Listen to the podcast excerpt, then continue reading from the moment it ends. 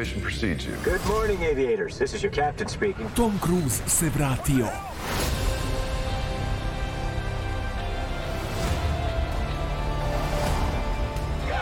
Top Gun Maverick u bioskopima od 25. maja.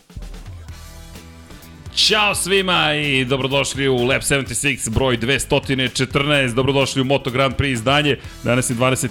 2022. i zabavljat će već večeras. Nadam se informisati gospodin Dijan Potkonjak i moja malenko Srđan Ercik. Ćao deki! Ćao Srki. Ljudi, ovaj film što reklamiramo već mesec i po pređe milijardu dolara u prihodima. Mi nismo prešli milijardu dolara u prihodima, ali da se pohvalim preko 5 miliona pregleda ukupno Infinity Lighthouse prešao. Sad mi je palo na pamet da bismo mogli to da spomenemo zapravo. Šuji nismo izveli sinoć, ko je pratio sinoćni podcast zna da je za ovoliko izbegnut Šuji, ali polako. Kad se Paja vrati vidjet ćemo šta će se dešavati u studiju na kraju univerzuma. da će ponovo biti izbegnut. Vidi, na šta mi je rečeno, koleginici iz prodaje kaže, pa ti prvi treba popišiš ti patike, pa ne mogu ljudi da čepne. Tako da, ko zna sledeće, utorka pratite dešavanja na Infinity Lighthouse-u, udrite like, udrite subscribe, možete i join, a posetiti patreon.com kroz Infinity Lighthouse. Zašto? Zato što svaka podrška i te kako znači. Jao, danas lepe vesti. Koleginice, možete da pošaljete škja, vanji onu fotografiju što smo podelili danas, da ubaci, da vide ljudi radost koju delimo današnjeg dana. Inače, uglavnom smo veseli, pozitivna atmosfera, međutim moram da spomenem nešto što nažalost je, jeste sastavni deo života, odavno nismo spomenjali neke stvari, ali juče sam nekako to preskočio, dugujem dva izvinjenja zapravo, nažalost neću verovatno moći nikada da se izvinim na adekvatan način, ali moram da spomenem Đorđe Đenića. To je za one koji ne znaju legenda zapravo automoto sporta i neko koji je svojim perom, pisanjem i televizijskim emisijama i tekako uticao na razvoj automoto sporta u, u ovim novim prostorima. Mnogi ga možda ne znaju ili nisu čuli za njega od novije generacije, ali ko je malo stariji naše godine i, i nadam se stariji, zna za Đorđe Đenića, nažalost napustio nas je ovoga vikenda i ti si mi javio vest dok smo bili baš u Holandiji, Zašto hoću da spomenem Đorđe, ne samo zato što on kaže sada tek tako je, po, postojao je neki Đorđe Đenić. Prvo, Đorđe Đenić, ja moram da mu se zahvalim za TV karijeru koju uopšte sam ikada stvorio. Samo pričam iz moje perspektive. Deki, ti imaš tvoje priče, moja priča, pokušat ću da budem relativno kratak, mada Đorđe zaslužuje celu jednu emisiju praktično. Đorđe je bio i novinar i TV autor. I bukvalno sada već kao klinac napisao sam tekst za, sport, za SQ magazin, to je sport koeficijent, to, to je časopis koji je kratko izlazio, u kojem sam pisao na dolazećoj eri Moto Grand Prix. I Đorđe me zove, pročitao je tekst i kaže, čekaj mali, jel to mi govoriš da dvotaknih motora više neće biti? Da, Čika Đorđe, to vam govorim, pošto me, za mene bio Čika Đorđe. Pa to, jesi ti siguran u to? Ja nigde nisam pročitao da iko piše o tome. I ja kažem 100% Čika Đorđe od 2002. godine kreću Moto Grand Prix motocikli, zvaće se Moto Grand Prix kategorija nema više 500, to je biće još tu sezonu, ali dobijamo četvorotakne motore 990 kubika. Kaže, ti moraš da dođeš kod mene u emisiju da, da to snimimo. UINFO je bila televizija, iako se emitovalo odloženo, mi smo zapravo radili kao da je live. I to je za mene zapravo bilo bacanje u vatru, kako se radi live, pa dođeš i neko ti kaže uđi i priča i radi live. I Đorđe se plašio, pazi sad ovo, da li ću moći dovoljno da pričam, isti problem kao većina koja je imala sa mnom i onda u jednom trenutku sećam se kada mi je rekao, pošto ja krenuo i idem, idem i Đorđe, pošto ima 24 minuta, minuta format i gleda sat i ovako mi pokazuje do kamera ne seci. Nešto mi poznat taj gest. Da. seci, sine srđane, seci. I ja ga kako je bilo? Ba, bilo je super, tu sam upoznao i Kuleta Perišića i mnogi drugi ljudi, i Željka Staničića i tako dalje, da. tako dalje. I Đorđe mi pa dao da, priliku... generalno smo i mi tamo obnovili neki naš kontakt. Jeste, generalno, da. jeste. I Đorđe koji je dao priliku nečemu što je posle postalo moja karijera, ali sam bio siguran da mogu da radim na TV-u zahvaljujući tome što me Đorđe pozvao i rekao, bit ćeš u emisiju, sad radiš na snimat ćemo pet puta, to sad sečeš pa ponavljaš, ma nema, mali, imamo pola sata u studiju i šta snimamo, snimili smo, nemoj da grešiš. da. Okej. Okay. Ja sam imao slično iskustvo s tim što u nekom trenutku sam shvatio da je možda to i dobro što radim, jer se dešavala situacija da dolazimo, da snimamo emisiju, bilo je, o čemu ćemo danas da pričamo? Znači imao je potpuno poverenje u to ovaj, šta ću ja da mu donesem u emisiju. Što mi to poznato da. zvuči. Istorija se ponavlja, ali Đorđe Đenić, da, nekako čovek koji, ne mogu reći da je nestao sa scene, bio i dalje na sceni, samo što prosto godine su učinile svoje i nekako zajedno i sa Veljkom Petrovićem polako je prestalo da se toliko zna za Đorđa, ali mi znamo ko je Đorđe Đenić bio i na neki način ostao i ostaće. Potrudit ćemo se u studiju da nešto učinimo u spomen i na sećanje Đorđe Đenića, ja kažem na jednom krajnje ličnom nivou, mislim da govorimo o ime obojice nas, zaista Delić nečeg što je bilo naše sazrevanje i odrastanje u profesionalce. Nadam se da smo danas adekvatni profesionalci, ali Đorđe je bio onaj koji je bio spreman i da vam pruži podršku i I da, generalno klincima. vezano za, za našu profesiju zaista je onako obe ručke ovaj, prihvatao da pomogne Jest. mlađim naraštajima be, bez ikakve sujeti i bilo čega, ali znaju savjetima onako da budu i oštar i direktan. Jest. Ovaj, Kritikovao me na Eurosportu. Ne, ne, ponekad je stvarno bilo onako, ta, ta, ta kritika deluje grubo u tom trenutku, međutim kako prođe vreme, jednostavno shvatiš da je, da je sve bilo na pravom mestu. Da, bukvalno, bukvalno prođe ti kroz glavu i kaže, čekaj, zašto mi ovo sada govori? I odjednom shvatiš, pa čekaj, Razumem da mi govori nešto što bi ja trebalo sada da izanaliziram, ali Đorđe jeste bio ta stara garda, bez mnogo uvijenja, nema, nema, nema nikakvih ne, Đorđe što tiče novinarske karijere ponekon na Radio Beogradu u emisiji Vreme sporta i na, razumno to je bila ozbiljna škola Jest. za tadašnju generaciju i on imao je to od koga, od koga i tamo da nauči i nesebično je to prenosio dalje. I ja kažem, zahvalnost dugujem, inače kad god bismo išli da neku, neki put uh, Mali, imaš prevoz, nemaš prevoz, ajde gde ćeš da spavaš, sve ćemo da organizujemo, rešit ćemo to pitanje je inače čovjek koji vozio reli svoje vremeno i bio, bio suvozač, bratu. Tako je, bio da, suvozač da. bratu i znam, bili smo nesnici tačno na kom reli, kaže, čekaj mali, imamo zatvorenu stazu, dođi ti pokažem nešto. I onda krene da vitla sa onim njegovim, koji beše, da i Hacu neki je bio tako nešto i ja kažem, ok, haj, haj, se uplašio, priznaj. Ko čeka Đorđe, pored vas se nisam uplašio, ali jeste bilo uzbudljivo. I to su neki te lepe uspomeni, samo želim da spomenem da ga, da ga pamtimo i kažem, potrudit ćemo se da u studiju bude nešto što, što je uspomeno Đorđe Đenića. Za mene, za kosto je čovjek koji mi dao šansu. Bukvalno dao šansu na TV-u i omogućuje mi da verujem u sebe kasnije, godinama kasnije, da kažem, kada, kada sam dobio priliku da radim na Eurosportu, ej, mogu ja ovo, i ta Đorđe, Đorđe, Đorđeva škola i posjet kasnije televizijama, nekom je uvijek bilo u glavi, hej, pa kao kod Đoleta je to isto bilo, nema veze da li je live ili nije live, jer ne znate, uvijek mislite da nešto možete dok ne probate. Kad probate, onda shvatite da li će se tresti glas biti, frka, neće biti, kako će se dešavati i samo mi je žao, to je, to je, to je propust, da ne, nis, nis, nisam ja bitan, nije bitno sad iz perspektive ovoga ono što ovde radimo, ali mi je žao što ga nismo poslali, što ga nisam ja pozvao, jer nekako veruješ, nije mi palo na pamet da neću imati priliku da ga pozovem. I kada se mi javio, razmišljam, čekaj, njegova priča nije ispričana. To je ono što je problem. Tako da ćemo se potruditi na neki način da ispričamo priču. Pa ne dobro, eto, srećom iza sebe ostavio i knjige. Jeste. Između oslog Moj svet brzine i čini mi se trkačka pozornica se zove. Tako da, eto, ostavite neke zapise ovaj, vezane za, za njegov pogled na, na automobilske trke, pre svega na ovim prostorima. I to je još jedan pokazatelj koliko je voleo automotosport i koliko se baš nesebično davao i brojni njegove fotografije, ja se nadam da arhiva postoji, ja mislim da mu je jedan od najponosnijih koji se ja sećam bilo sa Nikim Laudom, znam da mi je nju Jest. pokazivao više puta i to je jedan predivni moment, nažalost Nikija nema, Đorđe više nema to, prosto je neki znak vremena, ali eto, samo sam hteo da iskoristim priliku da, da sve koji prate i Lab 76 Infinity Lighthouse upoznam sa nekim koji je bio Đorđe Đenić, oni koji ga znaju verujem da znaju o kome pričam i imali ste priliku da čitate njegove tekstove, nikad nije odustao, nije bilo bitno koliko ljudi čita ili ne čita, on je svoje tekstove pisao. Tako da Đorđe na neki način čovek koji je baš inspiracija bio.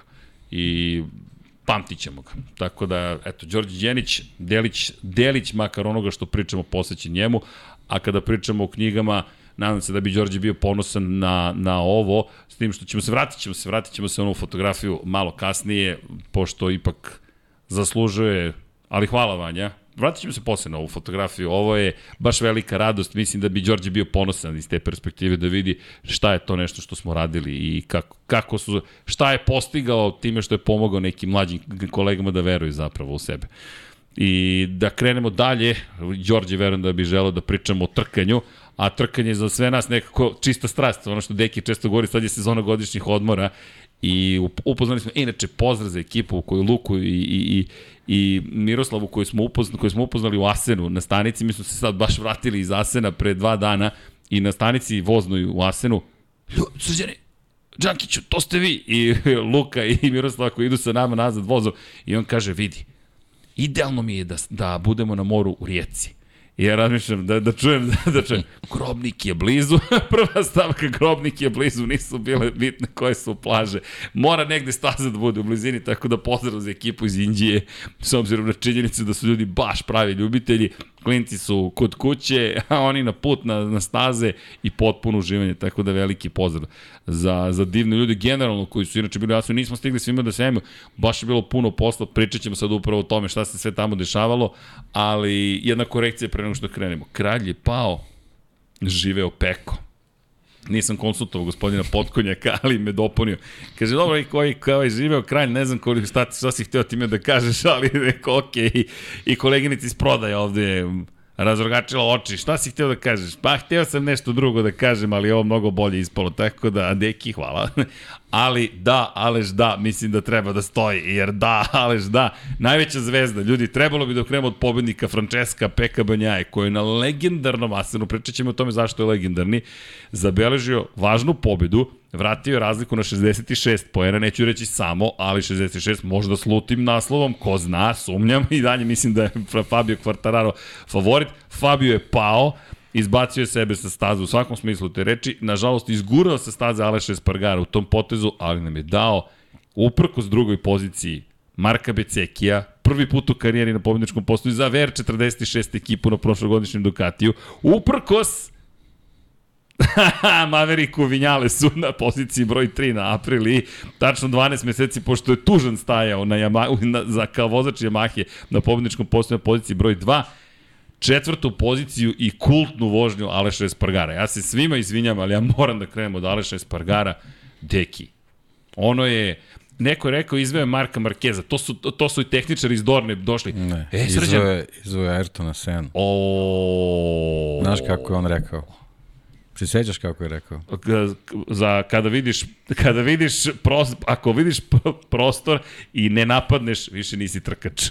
Apsolutno se slažem s time, ali samo bih da zastanemo ovde. Ovo moramo da stavimo time kod. Aleš je izveo Ayrtona Senu, kaže Dejan Potkonjak. Ako Deki to kaže, koji ima brazilsku majicu, ne znam da li je to planski ili slučajno, ali kad to kaže da uporedi Aleša Espargara Ayrtona Senom, to je najveći kompliment koji sam ja od tebe čuo ikada. Dakle, dugo radimo Znaš kako, sada za ono, je, za ono je stvarno trebalo iskustvo, brzina, talenat, hrabrost. Sve. Sve je to ta neka, neka esencija. Sve je izveo. Iako je sišao sa staze, meni kreće njegovo, njegova fascinantna vožnja u tom momentu. On ostaje na točkovima, uspeva da ovlada motociklom, nijednoga momenta ne diže ruke, ne buni se, ne osvrće se, ne pravi grimase, glava ide dole i on vozi i vozi i samo se trka i trka i trka. To je meni jedan od prvih utisaka. Evo ih i krugovi, hvala Dragoju Stanišiću, ljudi, besmisleni su krugovi, apsolutno. Ili ima neko lenjer? Ili ima neko lenjer, bukvalno. Ako vam treba lenjer, uzmite vremena prikazana grafikonima Dragoja Stanišića za trku Aleša Espargara u Holandiji. Od momenta kada je izbačen sa staze, šesti krug čitam vremena, 1.32.7, 33.3, 32.9, 2.9, 2.6, 2.8, 2.5, 3.1, verovatno je preticao nekoga, 2.6, 2.5, 3.1, 2.7, 2.9, 2.5, 2.6, 2.8, 2.6, 2.5, 2.7, 2.8 i 3.1 uz... Verovatno je nekoga preticao. Preticao njih samo dvojicu u poslednjim krivinama Da. poslednjeg kruga staze Asen i nije sišao na zelenu površinu i došao je do nečega što je ravno pobedi. Bio je 2,5 sekundi iza pobednika, 8,5 sekundi je bio iza prvoplasiranog Peka Bonjaj koji je zadržao prvo mesto, vodio od početka do kraja sa pol pozicije. 6 sekundi na doknadi u odnosu na pobednika. Koliko god je kontrolisao trku pobednik, to se ne radi. Bukvalno, namestilo se da se to ne radi. Ali činjenica je da je Aleš Espargaro odvezao jednu od onih trka koji će se dugo pamtiti. Rekao je posle trke, imao sam osmeh na licu u svakom krugu jer nisam mogao da verujem koja vremena ja postižem. Ne znam da li bi pobedio, zaista ne znam, zato što mi djeluje kao da ga inspirisao taj moment. Upravo to ne bi bilo možda ista motivacija. I to je ono ljudski u, u njima i koliko su motociklisti važni kao faktor u pobedama u Moto Grand Prix. To je ono što je lepota Moto Grand Prix još uvek, što i dalje čovek najvažnija stavka i to smo videli. Ja nisam siguran zaista da bi pobedio, ali ovo što je odvezao, zauvek ćemo pamtiti. Inače, moment kada je, ne, način na koji je preticao sve, na pravcu, u krivinama, svugde, gde god stigne, je bio, bio ne, neverovatan i taj poslednji trenutak napada nad Bradom Binderom i Jackom Millerom.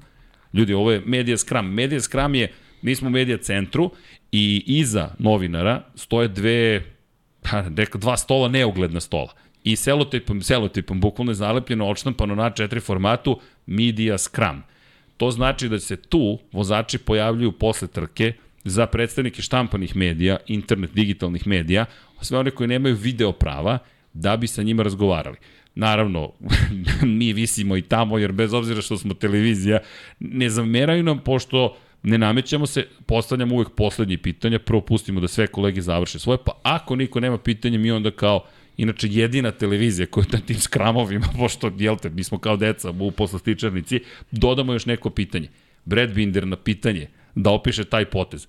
Kaže, ljudi, ovako, ja sam sa leve strane mi je Jack.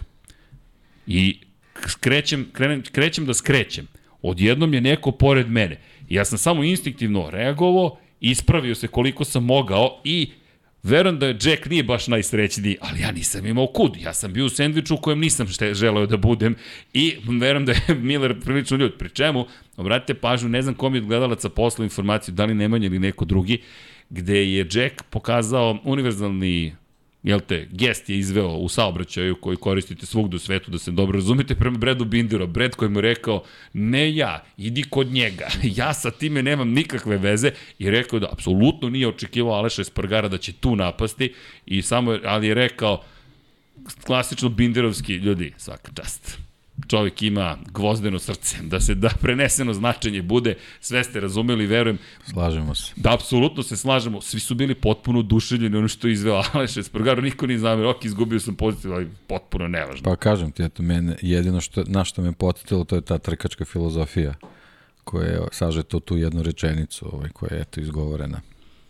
Ima već tome, ali u principu to je to. Redko vidimo takve trenutke. I da generalno svi učesnici u toj priči se ponašaju onako sportski kako treba. Baš I omoguće da se to desi na način kako se desilo. I povrh svega, uz tu vožnju gde je on sa, ne znam koje, 18. pozicije, ne mogu da setim tačno sada na pamet gde je bio, dođe do četvrtog mesta i ono što smo rekli, iako je Fabio taj bio koji ga izbacio, zapravo najveći poklon je Fabio dao Alešu Espargaru, jer je sebe izbacio u potpunosti iz trke, pao je inače Fabio Quartararo, podigao motocikl, otišao do garaže, rekli su sve ok, ispostavilo se da je isekao senzor kontrole proklizavanja. Ono što me zanima, zar nisu naučili od Danija Pedrosa i Pada, Šta da treba da se pogleda? Senzore, i to, i da imaš senzore s obe strane. Jer, Ako se setimo Aragona 2013. Marquez u onom agresivnom potezu je prošišao pored Pedrosa ili je pokidao kabel kontrole proklizavanja, Honda od onda ima i sa druge strane kabel rezervni, redundantni po kontroli proklizavanja, jer kada je dodao gas, ono što je zanimljivo, u levoj krivini se nije aktivirala kontrola proklizavanja. Možda i senzor, ko zna kako je podeljen, i samo ga je prebacio preko upravljača, srećom nije zbiljnije Kao povređen. u našoj igrici. Kao, a nisam vozio sa Fabijom. Sam vozio sa Fabijom. Jesam. Yes, nije. Vozio sam sa... Nije, nije sa Frankom sam vozio. Au. Ako sam vozio sa Fabijom, ok, o, uplate na Patreon očekujem. S kim želite sledeće da vozim? e, nisam se sudio Binderu, da Derinu da kažem da sam vozio sa njim u simulaciji, rekao sam bolje ne. Da snimimo odlazak iza reklama. ali nisam, da mu pokažeš jadan čovjek. Da. Bukvalno jadan čovjek, ali inače Derin Binder opet je dao sjajni. Da, da, e, nije se dobro proveo. Tako nije da. se dobro proveo, tako da bolje, bolje da ne spominjem to. Ne znam da li onog motocikla da li što ostalo. O, ono je jedan od, ali to je, to je, to je asen. Da, da nema Red Bull ringa koji je kreni, skreni, kreni, skreni, kreni, skreni. Dobro, sad, sad, sad, će, će biti, sad će biti malo drugačije. Da, da, da. Uz šikanu, inače sad su to postala najtraženija mesta. Jeste. Ranije tu je bilo samo prolete pored vas. Sada, a kočim, skrećem, desno, levo, pa nećemo večeras voziti, ne brinite. Za pet nedelja vozimo.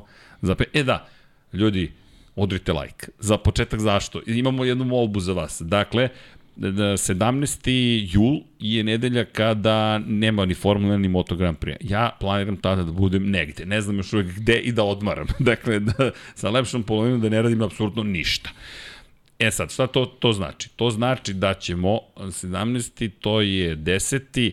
13. neće biti Lab 76 Moto Grand Prix, 20. neće biti. Ja se nadam da nećete zameriti što nas neće biti jedan kratak period, ali ako mogu oni šest nedelja od jedne trke do druge, pa dajte im, valjda možemo i mi malkice da odmorimo. dakle, deki se zbunio. Znači, koncept, koncept odmora nije, uopšte ga ne obrađujemo. A Formula 1 ćemo 10. jula da uradimo odmah posle trke, tako da ćemo napriti malu pauzu sa Formulom 1, čisto malo da odmorimo nije do toga što imamo skoro 50 godina, već i do toga što imamo skoro 50 godina, ali eto, čisto da najim na vreme, da malo ćemo tako da, da odmorimo Baš u julu. lepo što persiraš sebi. pa dobro, pokušao sam. A vidi, u proseku smo i dalje ispod, pazi, dalje smo ispod 50. Dobro, okay. Gledaj, posmatramo to tako, deki, prosek, idemo sa prosekom.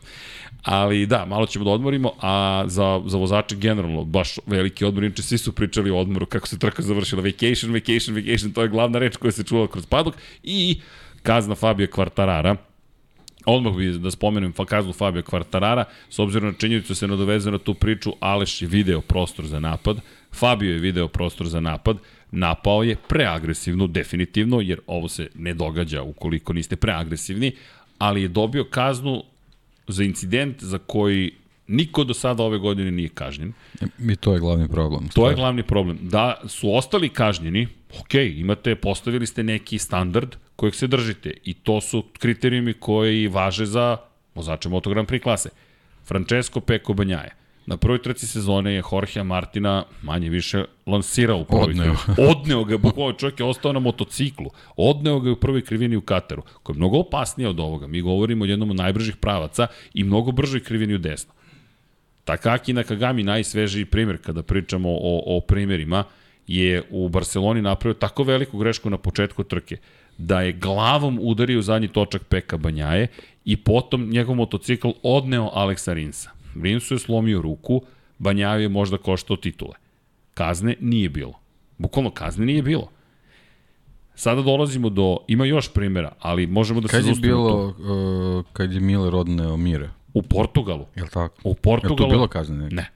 Nije bilo kazne. Inače, Miller, da. koji, to smo baš pričali sa, sa Simonom Petersonom, sa njegovom devojkom koja je u padoku takođe novinarka i baš komentarišemo, inače, oni su izračunali, Jack Miller, da još uvek postoji sistem kaznenih bodova, bi bio suspendovan za jednu trku već. Toliko incidenata ima ove godine, za koje je kažnjan na različite načine, da bi došao do toga da ne bi vozio trku u Silverstonu, koja je sledeća na programu za veliku nagradu Velike Britanije. Miller nije kažnjen za taj incident sa Mirom, Nije kažnjen ni Nakagami za incident u Muđelu sa Rinsom, niko nije kažnjen. Jedini ko je kažnjen je Fabio Quartararo. A Fabio inače važi za čoveka koji nema veliki broj incidenata. Dakle, nije incidentan vozač, nije ni Takaki Nakagami, da se razumemo, imao je dva velika incidenta u nizu i to ga je učinilo metom, uslovno rečeno, kritika. I sad može da se kaže, pa dobro, naučili smo iz primjera na ostalima, ali iskreno, nema nikoga u padoku od nas koji nismo instant reagovali, aha, mora da se smanji broj poena između Aleša Espargara i Fabio Quartararo. To je bila inicijalna reakcija svih nas, neću vas lagati. Moje prvo rezonovanje je bilo, aha, pravimo šampiona da bude još uzbudljiviji. Dugi krug, kazna je koja će se primeniti u Silverstonu i da li Fabio može do pobjede čak i s njom. Pa može. Videli smo da je Jack Miller bio na pobedničkom postolju uprkos dugom krugu, da li je mogao da bude na pobedničkom postolju i u Asenu, čak je postojala šansa da se i to desi sa Jackom Millerom i uprkos još jednom dugom krugu, tako da i za Fabio postoji šansa, ali... Postoji šansa, ali Ducati i Yamaha nisu baš isti motocikli. Tako je. I još jedna bitna stvar, gde se očekuje Aprilia da bude najmoćnija? Na stazi sličnoj Argentini, gde je Aleš Espargaro zabeležio pobedu, gde je Aprilia delovala najbolje, gde je zadnji kraj i tekako kritičan. Formula 1 ovoga vikenda stiže u, u, u Silverstone i pričali smo juče o tome koliko se malo kočeni sistem koristi zapravo. To je brza staza. Ima par krivina gde morate snažiti da kočite, ali suštinski to su brze krivine. Aprilia tu sjajno funkcioniš. I ovo nema veze ni sa Alešom Espargarom, ni sa Aprilijom. Ima samo sa sudijskom arbitražom koja, gde, koja je dovela do toga inače da se traži da Freddy Spencer, legendarni Freddy Spencer koji je glavni sudija, zapravo bude smenjen jer je problem u nekonzistentnosti u primjeni kazni. I to je ono što nas muči kroz sve te šampionate, ne kazna sama po sebi, već pravovremenost kazne, kao kod Deniza Ondžua, na primjer, i istovremeno sama kazna koju ste primenili doslednost. za... Preko, tako je, doslednost, koja ne postoji. I tu sad baš dosta ima kritika, ali znate kako to ide. Sudijska je poslednja i možemo samo da kritikujemo ili konstatujemo. Paranoja gotovo može da nas... Ali Fabio je to prihvatio. Ono što je ozbiljna stvar, Lin Jarvis, šef Yamahe je rekao da bi, da može Yamaha uložila žalbu na kaznu, ali sad je ovo zanimljivo. U pravilniku piše da ne možeš da se žališ na tu vrstu kazne. Hteli su na arbitražni sud da idu ni manje ni više, što je ozbiljan potez Yamaha samo pokazuje koliko je Yamaha ovo shvata ozbiljno. Međutim, zanimljivo je čak ni arbitražni sud ne može to tu odluku da preokrene. Tako da su odustali, ali su izdali javno saopštenje, zvanično saopštenje za javnost, u kojem jasno kažu šta su hteli da učini, da su jednostavno ruke vezane Yamahi, ali se apsolutno ne slažu sa odsustvom upravo doslednosti u izdavanju istih. Tako da je to tema koja se pojavila posle trke, inače Aleš Espargaro rekao, pa nema potrebe za kaznom, to je trkački incident činjenica, oni su veliki drugari, bez obzira na borbu za titul, ne znam kako bi Aleš reagovao da ga neko drugi izbacio sa staze, ali smo videli posle trke da je došao prosto da se izvini Fabio Quartararo. Pa i tokom i... trke se izvinjava. Tako je. I tokom Kad trke. se sklanjao. Da. Jeste. I kada mogli ste da vidite sportski potez šampiona, kada se vratio na stazu posle provere u garažama, izašao tik ispred karavana koji ga pretiče za ceo krug. Otišao je na delu staze u kriveni broj 3 gde je dugi krug i tamo usporio i podigao ruku, izvinio se, izvinio se i Alešu, pustio ceo karavan da prođe i pokušao da nastavi trku. Da. Što je to I generalno da, ali eto, generalno ti gestovi nisu dovoljni da da se nešto drugo desi. Ne znam šta, ali eto, da. generalno da. ovaj, načini kažnjavanja koje smo prihvatili kao da su okej, okay, ti dugi krugovi, međutim, eto, jednostavno u nekim trenucima ovaj, postanu nejasni, pre svega ne, ne zbog same, same kazne u tom određenom trenutku, već zbog nekažnjavanja u nekim drugim trenucima i onda, onda i nešto što je dobro na kraju postane besmisleno i onda malo se vrtimo u nekom začaranom krugu. To. No, ali bez ikakve potrebe. Neke da. stvari su baš, baš lake za rešavanje, no, kako god pogledate, Fabio Quartararo će imati kaznu,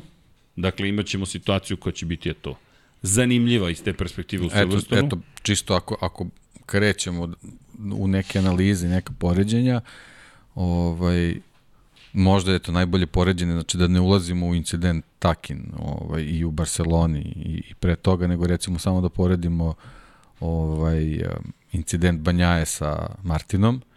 Samo to? I jedan, jedna i druga situacija su u stvari bila preambiciozna obilaženja. Znači, nijedna, nijedna druga kategorizacija ne treba da se primeni. Iako je ono bilo mnogo opasnije pri mnogo većoj brzini, ali očigledno da, da neki drugi parametri se koriste da bi se nešto procenilo da li je zakazno ili nije, tako da neću uopšte da ulazim u te teorije, nego samo gledamo ono šta se dešava na stazi i samo se pitamo koji su parametri merodavni da se donesu određene odluke. E, problem jeste upravo u tome, inače komentar je bio i poređenja između Formule 1 i Moto Grand Prix. U Moto Grand Prix ti čak ni ne kažu na koji član se pozivaju prilikom kažnjavanja. Samo kažu, to je naša odluka čekaj, tiranine, polako, postoji neki pravilnik po kojem ti kažeš ovo je kazna zbog toga i toga, kršiš član i član, bilo koji član daje, uh, ugrožavanje drugog vozača, preopasna vožnja, uh, neodgovorna vožnja, bilo šta, samo mi ne vedi član po kojem si nekoga kaznio. Ne, mi smo ga kaznili. Ko ste vi? Mi smo direkcije trke, mi smo sudije. I to je to. A kome vi odgovarate? Kako mi, mi ne, ne razumemo kako kome mi odgovaramo. Inače, bilo je fenomenalno u Asenu iz te perspektive. Supreme Court. Supreme Court? o, neki. da. ali, ali je stvar u tome što mi zapravo imamo situaciju u kojoj se ne zna po kojem osnovu je neko kažnjen. Kažnjen je samo zato što je kažnjen. I sad imamo ozbiljan problem u tom kontekstu. Dorna ove godine pogubila inače dosta konaca. Večeras ćemo vam pričati dosta toga što smo čuli u Asenu, u ljudima s kojima smo pričali. Pre toga, ja bih da pohvalim, Vanja, poslam ti nešto u Slack da vidiš. Dakle, da nadovezujem se na dve teme. Prva stvar, ja se nadam gospodin Bratić Hasan sluša večerašnji podcast sada direktno i uživo. Hasane, hvala za sve. Hasan je bio sa nama, na Moto Grand Prix trci. Hasan je prvi put sa nama, inače ponekad ode na Moto Grand Prix trku. Ovoga puta smo bili, bili deo jedne ekipe i bilo je fenomenalno. Fenomenalno iskustvo upoznati Hasana na taj način, videti ga na delu. Ljudi, ako postoji najbrži fotograf na svetu, onda je to gospodin Hasan Bratić. Kako taj čovek je organizovan, ja sam potpuno raspamećen, neću da vam otkrivam tajni njegovog zanata, ali samo ću vam reći sledeće. On je na stazi u na primjer 9.00, ako se nešto desilo u 9.05, svi koji koriste njegove servise imaće te fotografije ako on smatra da je neophodno da budu podignute na koje god servisi, gde god, kako god on to radi. I bilo je fenomenalno gledati ga na delu, pričati sa njime, koji nesebično deli informacije, i odmah se sreo sa nekom ekipom i tačno vidiš vezu između Formula 1 i MotoGP, gde si Hasane, a oni su bili u Formula 1 nekada, ekipa sa Sky Italy i tako dalje i tako dalje. Inače, poseban pozdrav pride gospodinu Miodragu Kotoru, koji nas je ugostio, imamo pakleni jedan plan, ne znam da li da spomenjem, formirali smo jednu grupu, ali u kojoj ćemo pričati gde ljudi sede za stolom, sve su Balkanci, ex-Jugovići, kako god hoćete da ih zovete. I smejemo se, jedni žive u Australiji, jedni žive u Francuskoj, jedni žive u Nemačkoj, jedni su ovde u Srbiji, neki su drugi u drugim državama. I odsedimo za istim stolom i svi delimo jednu te istu strast prema trkanju svakako, ali prosto je lepo osjećaj sedeti i prosto brbljati, ništa drugo na, na, na našem jeziku i koji god daje on i bilo je super zabavno i onda tu vidiš Hasana i njihove priče. E, jel ti još uvek, da, još uvek, a jesi, jesi vidio njega i sad ti ćutiš i muva na zidu, ali samo što si čovek za stolom i samo se pitaš da li će ispričati još nešto što bi bilo tako dobro. Ovo hoću da pokažem iz dva razloga, iz tri razloga. Gospodin Hasan Bratić, ljudi, ima, ima, ima sekvenca fotografija, ali neka jedna bude savršen prikaz onoga što možete videti.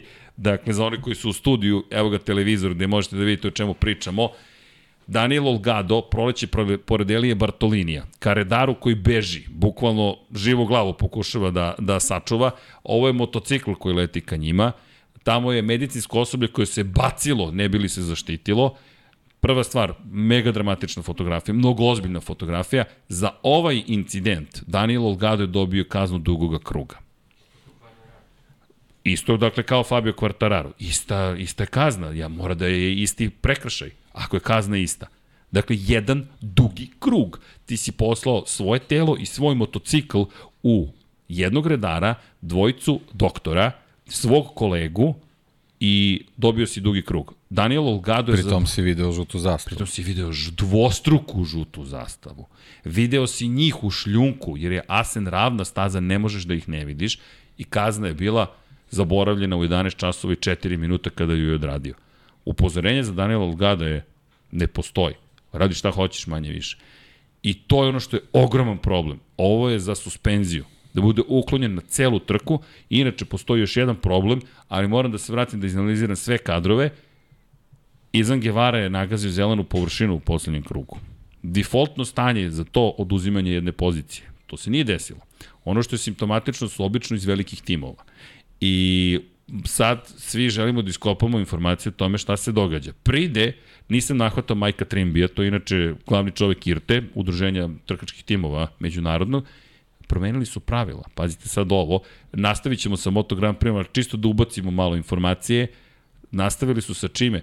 Sa promenama pravila u sred sezone, najnovije, nije potvrđeno, čekam potvrdu, je da vozač više ne mora celu sezonu da vozi ove godine maloletni, dovoljno jednu trku da odveze wild card i sledeće godine može da nastupa u šampionatu sveta uprkos činjenici da je maloletan. Ili ti, pravilo koje smo napisali da bismo ih zaštitili, pa možda bismo mogli da ga rastegnemo. Ali, istovremeno, nisu svi timovi zvanično obavešteni, nego su neki timovi saznali malo ranije u odnosu na druge timove. Tako da, svašta se tamo događa i mnogo dobro kad si na licu mesta i ideš, švrljaš okolo i slušaš ljudi, onda gledaš ko te laže, ko te ne laže. Ali Hasan, da se zahvalim još jednom i zašto mi je bitna još ova fotografija, ko je jedini fotograf koji ima ovu fotografiju ili ti Mr. Crash strikes again. da je ovo bilo u Moto Grand Prix, verujte, svi bi pričali o Mr. Crashu, ali Hasan koji je instant, 3 minuta, ma nije, nije, kad smo završili mi prenosi, dolazimo i Hasan kaže, dođe da vidiš. I ja gledam i rekao, ok, Hasan, ja, ja idem, idem nekim svojim putem. Tako da, ljudi, pratite Hasana Bratića na, na Instagramu. Nisi vozio sa Fabijom. Nisam vozio sa Fabijom. Sa Dovijem. Sa Dovijem sam vozio šta ti je, deki, zašti, zaštitio sam čoveka. Znao sam. Ali dobro, Dovi, Dovi inače imao su... Jedini nije pao. Dame i gospodo. da, dame i gospodo. Ispunio si mu kvotu. Kada koristio je moja podešavanja motocikla. šta šta? Pada u igrici, pa to kaže deki pa Ispunio kvotu, to, kvotu. Kosmos je rekao, ok, dobi je dovoljno pada ove sezone, nema potrebe stvarno da padne. Hvala Vanja za informaciju, ali eto samo Hasanu da se zahvalim, zaista je bilo neprocenjivo iskustvo s njim provesti vreme i ne zamerite što sam malo proširio temu, ali vezu, nadovezuje se bukvalno na Fabio Kvartarara i to kazna je manje više ista. Ja sam i dalje frapiran da Denis Onču dobio dva duga kruga za prestup u trci, gde nadoknadio bukvalno ne znam, desetinku jednu, on je dobio 6 sekundi kazne. Ovaj čovjek malo nije ubio ljude, ma u redu je jedan dugi krug, 3, 3 sekunde kazne. Ne, potpuno neprihvatljivo. Da su ga bar naterali da startu iz pit lane-a. Nešto. Nešto, neka sankcija ozbiljnija, ma ništa. Hasan je na četu, to Hasane, Hasan je, Hasan je svugde, ja ti kažem. Ljudi, Hasan je digitalni nomad. Samo da znate, Hasan je tu negde naše godište, ali to je digitalni nomad i sad sam shvatio, deki, da se desila jedna velika promjena, izvinjam se, u kosmosu, a to je mi gikovi, klinci, koji smo imali računare kao baš deca, prve računare, smo omatorili. Sede su brade, sede su kose, stomaci su tako narasli, ali mi dalje smo u modernom vremenu, to je nas, nama su i dalje gadgeti zabavni. I onda gledam Hasan i razmišljam, čoveče, mi smo deca Spektruma, Komodora, Amige i svega toga, kako sad izgleda ovo novo vreme, jer sam mislio to vremenom dođu neki novi klijenti, mi to ostavimo iza sebe, nema šanse. Mi, mi mislimo sada one dede što otprilike imaju zapravo i dalje ljubav prema gadgetima. Tako da Hasan respekt. Ali, da se mi vratimo na, na ono što se takođe desilo u Asinu. Asin je baš bila velika trka. Inače, ljudi, Asin se održava Ovo je bilo 91. izdanje trke u Asenu. 91. izdanje trke u Asenu. Za 9 godina dolazimo do onog 100. jubilarnog, ali Deki, 91 put je ta trka održana na ovom mestu. Jedini pa, put... Evo, juče smo pričali, 90 trka je na Le Manu održana. Da, bukvalno, ovo je... Jedna više. Jedna više. Ovo je ta staza. Ovo je staza koja neprekidno održava trke. Jedino katedrala. svetski ratovi, tako je katedrala. E, ali znam, moram da ti primetim simpatično, ulazimo i kako se zove katedrala motosporta, stoji i pošto imaš podvožnjak na ulazku u Asen kolima, stoji ovako fotografija katedrale i ispod piše katedrala motociklizma. I Hasan ovako kaže Milano. I ja koji ne, ne razumem šta mi govori, ono, katedrala iz Milana stoji, rekao, pa dobro, je li mogo neki, neka druga fotka, neki iStock, Shutterstock je pao, katedral, katedral, daj to vamo, štampa i ide gore na zid. Smejali smo se, sam, sa, pošto imate bukvalno katedralu, zbog koje su inače trke održavane subotom. Jer se znalo, u crkvu se ide nedeljom, pa ne možeš da voziš motore nedeljom, moraš u crkvu. Samim tim su vozili četvrtak, petak, subota i to je važilo do pre tipa 5 godina. Onda najmoćniji dokument od svih, TV program je došao i rekao morat će to da se menja. Da znate, inače sve je potpunosti podređeno TV programu. Vidjet ćemo kako će se to menjati u budućnosti sa streaming servisima, ali ok, za sada katedrala tu stoji Hasan koji je samo prokomentarisao Milanu, rekao Hasan je ok. I onda šta sad im kakav je Milano, čemu priča ovaj čovjek? Ali tu je bio. Elem, i ulaziš u Asen i osjećaš istoriju. Osjećaš istoriju od 49. godine, kada je 1949. kada je osnovan šampionat, trka samo jednom nije održana. 2020. zbog pandemije. I to je potpuno neverovatno bilo da neće biti održana trka u Asenu. Vratili smo se u Asen, Asen inače koji živi za Moto Grand Prix. Ljudi, žurka je u gradu bila u sredu uveče. Taksisti koji nam govore mi ne spavamo pre pola osam. Zašto? Pa zato što vraćamo sve pijani ljudi iz centra grada kućama zapravo i kampove, razvoze ljude okolo. E, inače, ako je negde skup taksi, to je u Holandiji. Evo, to odmah da vam kažem. Jedin, sve ostalo ok, sve su cene takve kakve jesu, ali a, taksi, Ma to je, to je spektakl, baš sam rekao našim taksistima, ljudi, nama je skupo možda, ali mislim da biste se lepo zabavili u Holandiji. Inače, hvalim se taksista, došli neki ljudi iz kampa, vozio sam ih 160 km, meni super, nema gužve, taksimetar radi, onda se vratio. Ludilo. Elem, Asen to sve donosi, kampovi koje smo očekivali u Muđelu, logorska vatra, e, da, ako se pitate šta je legalno u Holandiji, da, to što je legalno u Holandiji se konzumira u obilatim količinama. Alkohol se konzumira, žurke, koncerti, potpuno je ludilo. Dakle, ako, terapije raznih vrsta. Terapije raznih vrsta, multivitaminske, i to se sve događa na 10 km od staze. I ti odjednom osetiš stari Moto Grand Prix. Kada kažem stari, od pre 3 godine. Jer to si ima u muđelu. Kampove, ludilo, buku, ljude, blato, haos. I da dođeš u Barcelonu, manje ljudi, kažeš, ok, šta je sledeće, Do, nismo bili u Saksonu, nego vidiš 100.000 ljudi, ok, onda dođeš u Asen i kažeš, ok, sve je u redu. Bukvalno sve je u redu i pitaš ih za koga navijete.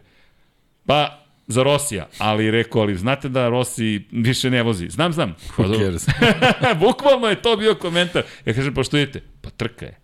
Bukvalno pa trka i kakav spektakl su dobili u svim kategorijama, čak i u Moto E, iako smo imali fijasko u drugoj trki Moto Moto E. je pre svega pohvala za publiku, baš apropo Baš te to, druge trke. jeste. Puna, puna glavna tribina. I ostali su ljudi, nama je to bilo Izlaze, fenomenalno. vraćaju se, izlaze, vraćaju se, nema veze, sede. puna je tribina i to je stvarno onako uh, pohvala za ljude koji vole motociklizam.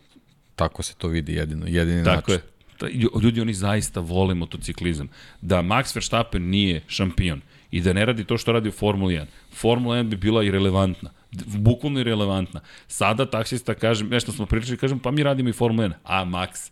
Max. I odmah osmeh liki na licu, ali dalje motociklizam mnogo pažnje privlači. I onda to bilo fenomenalno vidjeti i onda trke Pritom, ako, ako to porediš, Holandjani su na kašičicu u, u Moto Grand Prix koga imaš? godinama Boa unazad. Ben Snydera da. i Zontu van der Gurberga sada. Boa Ben Snyder i Jasper i Vema nekada davno. Bukvalno nemaš izvinjam se, lokalnog heroja. Nemaš ga, ali znate šta je najlepše? Trke traktora imate u okolini Asena. Mesec jun je inače mesec kada se održavaju sve moguće trke u Asenu. I onda gledaš šta se sve tu događa, samo nam ono što smo, odakle smo počeli. Kao što Luka kaže idem na letovanje gde je blizu staza, tako i ti ljudi žive u epicentru je staza. Staza. I, I mnogo stvari se dešava na stazi, redari, sudije, ljudi. I ono što je najlepše, odlaziš i kažu vidimo se sledeće godine. Podrazumeva se da se vidimo sledeće godine. Vidimo se sledeće godine.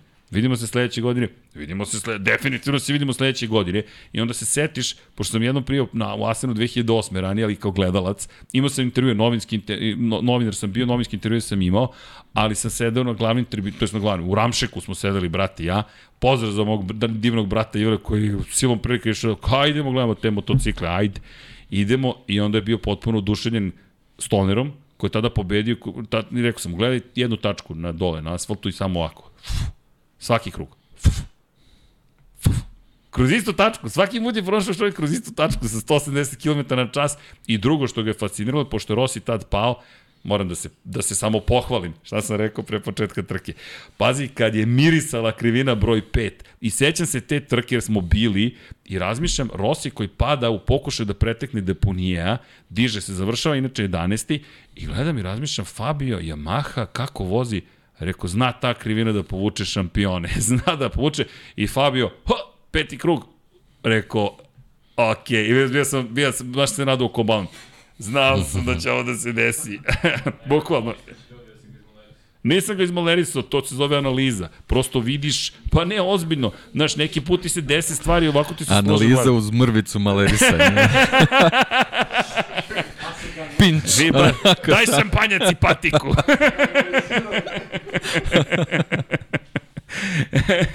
ja razmišljam, ha, Ercegova kuhinja, to ti je to. e, stvarno. Novi podcast. Novi, e, kuvamo uz Moto Grand Prix šampione. Danas kuvamo, jelo zove se Fabio Quartararo. Jelo redni broj 20. Idemo po rednim brojima. Da, hvala ti neki. Tamo sam hteo da se samo Hvala pohvalim, tebi. propade sve, ode sve, ode mastu propast, ali dobro. Ne, Ja, ne viš da smo otišli u pozitivu. skroz. Tako je, tako je. Ali sam zaista bio u fazonu, čekaj, ima nešto u toj petoj krivini. Pazi, kad mirisao sam mi tog vikenda i razmišljam, ja moram ovo da kažem, moram da kažem šta vidim. I, I da se vratim na to šta je Burazera šta je fasciniralo, Melandri je bio 11. na Ducatiju. Inače, to je čuvena trka po tome što je Marko Melandri dve sekunde u kvalifikacijama po krugu bio sporiji od Casey Stonera koji je bio na pol poziciji. A Marko Melandri je doveden za one koji ne znaju te godine da nauči Casey kako se vozi Ducati. ok, naučio ga je. Svi su znali bolje od Casey kako se vozi Ducati. I Rossi koji ga stiže za 11. poziciju. I sad svakim krugom je sve bliži i bliži. I tipa krug ili dva pre nego što je sustigao. Publika koja počinje da se diže. Pazi, to je za 11. poziciju. I, ovako, I onda krug pre nego što ga je pretekao publika na nogama, duž cijelih svih tribina, to je kilometar tribina skoro. I moj brat ovako stoji, što se događa? Rekao, sad će da ga pretekne. Za koju poziciju? 11. Molim? Rekao za 11. poziciju. I u momentu kada ga je pretekao u, u šikani, haos. Haos, vuvuzele, ludilo. Da, ludilo, da. futbolska atmosfera. I moj brat kaže, kako se sada ovaj dečko osjeća 11. mesto je u pitanju i nikoga ne voli. Razmi se rekao, to ti je efekt Valentina Rosija, nije bitno za koju trku, za koju poziciju, samo da pobedi nekoga negde nešto. I baš je bila luda trka iz te perspektive i sad isto gledaš ljude u žutom koji su tu, što me dovodi, preskočit ću pobednika i treće plasiranog do države zvana doktor Valentino Rossi. Marko Beceki na poziciji broj 2. I bukvalno mi je sinulo kada je uzeo žutu zastavu, rekao, ovi ljudi su pirati. Ali pirati Ali nevjerovatna stvar, mislim čisto kao dodatak šlagvrtu da uz Marka Becekije, Valentina Rosija, svi ponovo sad pričaju o Casey Stoneru koji je pričao Marku Beceki. Tako je. Ali... Ali Rossi i Stoner u iste rečenici. Ako smem da ubacim da. kuhinju, ko je rekao pre prve trke da bodite računa o Marku Beceki ove godine. I rekao sam mu, rekao, samo da znaš, mirisalo je da ćeš biti dobar. Kaže, zašto? Kaže, on me gleda, zašto? Rekao, seć, spavali... Mirisalo iz kuhinje. da, ja, bukvalno sam rekao, it smelled like you are gonna be good. I on me gleda, kaže, zašto? I kažem, sećam se kad smo spavali u istom hotelu u Barceloni, kada si potpisao za Tech 3 u Moto2 klasi, i stajao je ispred kapije sa Erveom Ponšaralom. Ljudi, Marko Beceki se tresa od straha. To sad mogu da ispričam. Izgledao je potpuno izgubljeno, nervozno. RV je inače menadžer koji je dobar za određenu grupu vozača. Kao Đorđe Đenić, ako ste old school i imate tvrdu kožu i možete da istrpite komunikaciju koja je brutalna, ali zaista brutalna, vi ćete uspeti kod RVA. Ako ste i ole nežniji čovjek, nemojte da idete kod RVA, jer RV, RV svoje no, vozače kritikuje pred kamerama i on uopšte neka, on ih tako kritikuje javno i privatno. Marko se tamo uopšte nije snašao. I delovalo kada je to kraj karijere. Momka koji se bori za titulu protiv Jorgea Martina u Moto3 klasi. To ne može svako.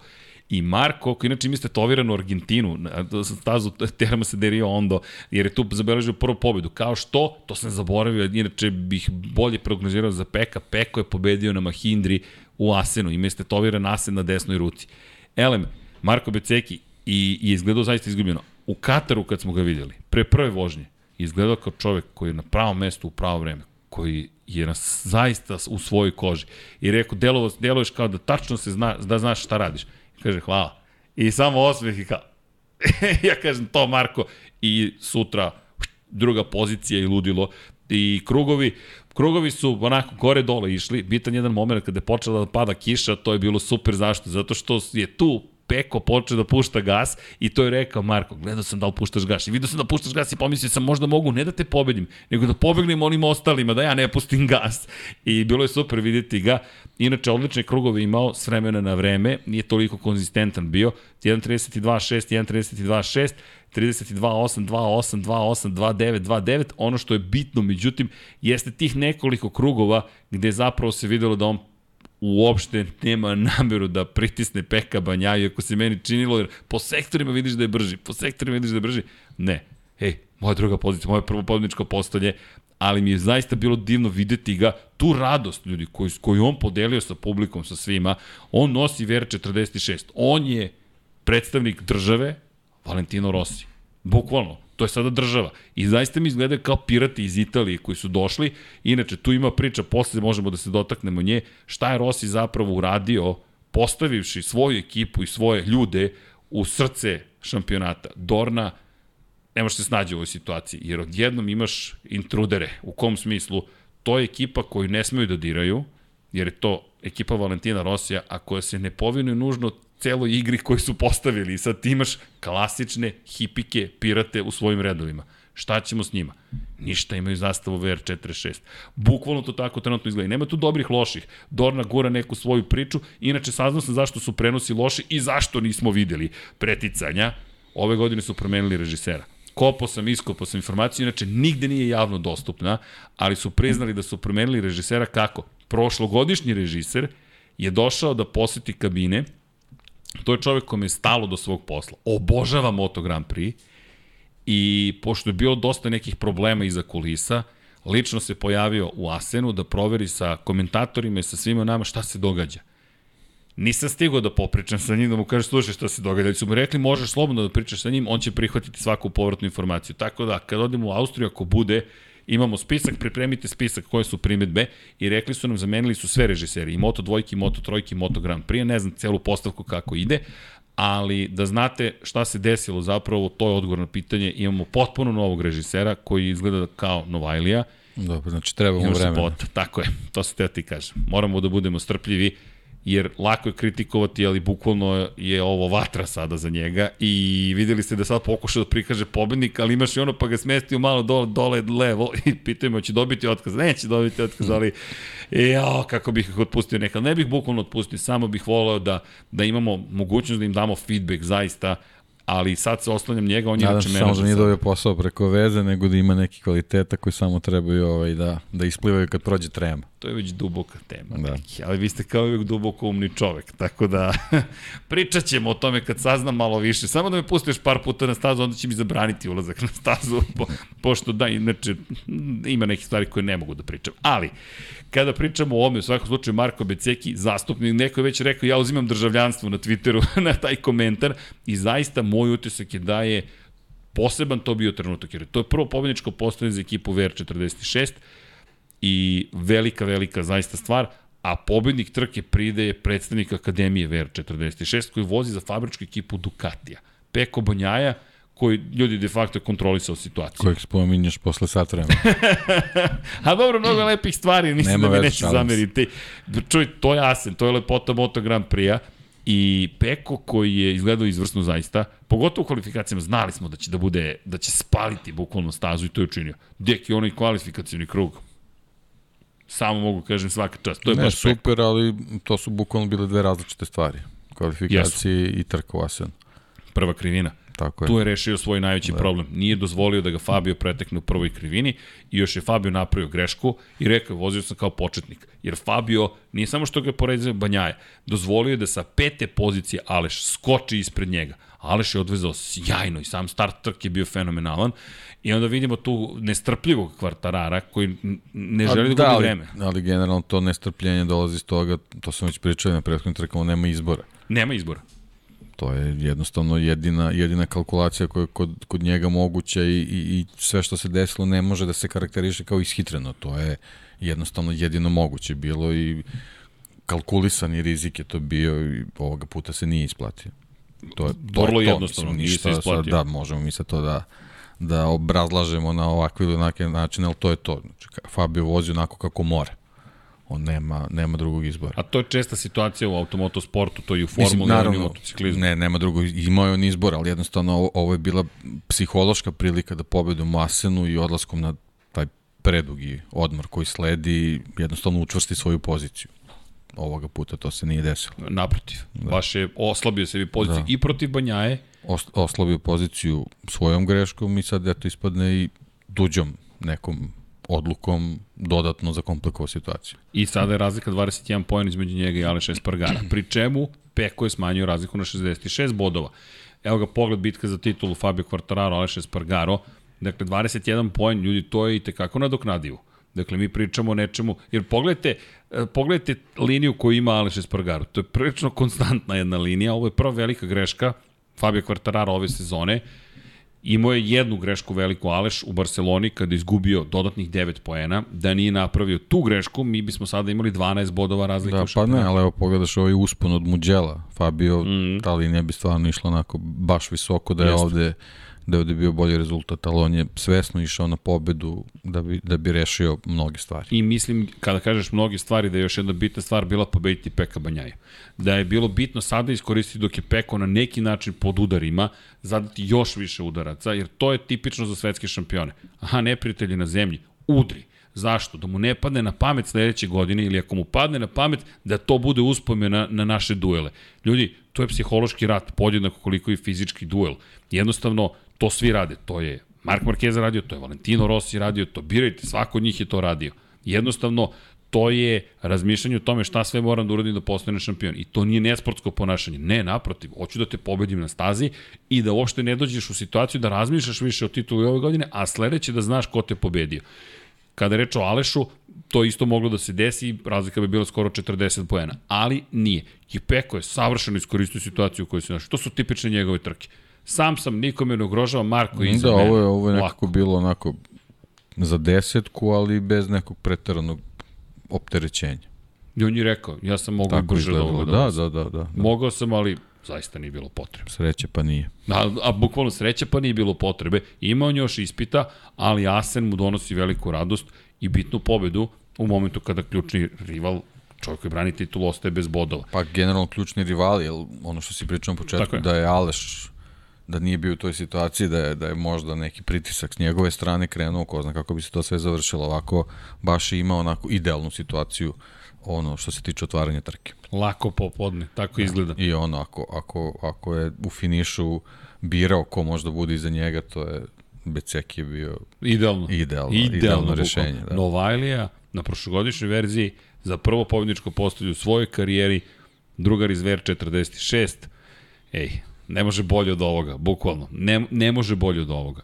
Ali, ono što mislim da je mnogo bitno, nešto što smo saznali sada u Asenu od Luke Marinija, pazi sad ovo, Peko Banjaja, to je Luka Marini rekao, potvrdio, je čovek za na osnovu čijeg stila vožnje i povratnih informacija Ducati trenutno razvija motocikl. Luka je to objasnio ovako. Dobio je pitanje da li misliš da je Ducati uspešan trenutno zato što razvija motocikl za sve ili se fokusira na jednog vozača. Luka Marini, citiram ga, možda parafraziram, nemojte zameriti, dakle ako nije reč po reč, nije reč za reč, rekao sledeće. Najbolji od nas na Ducatiju trenutno Peko Banjaje. I Ducati se fokusira na njega i njegov stil vožnje. I razvijaju ga u skladu sa onim što je potrebno Peku. Ducati, s razlogom, to su sve reči Luke Marinija, veruje u Peka Banjaju i radit će sve što može da, da bude motor prema njegovim zahtevima. Ono što je dobro je da ostali mogu da upravljaju tim motociklom na osnovu onoga što je Peko pružio kao povratnu informaciju, ali mi je fascinantno bilo da smo najzad dobili eksplicitnu potvrdu da Ducati, inače rekao je Ducati ima ogromno očekivanje i ogromno poverenje u Peka Banjaju. Deluje mi da smo najzad dobili odgovor na pitanje na koga se vi kladite. Peko Banja je osoba na kojoj se Ducati kladi. I to mi je bila jedna od najvažnijih informacija koje smo dobili kao povratnu informaciju u Asenu.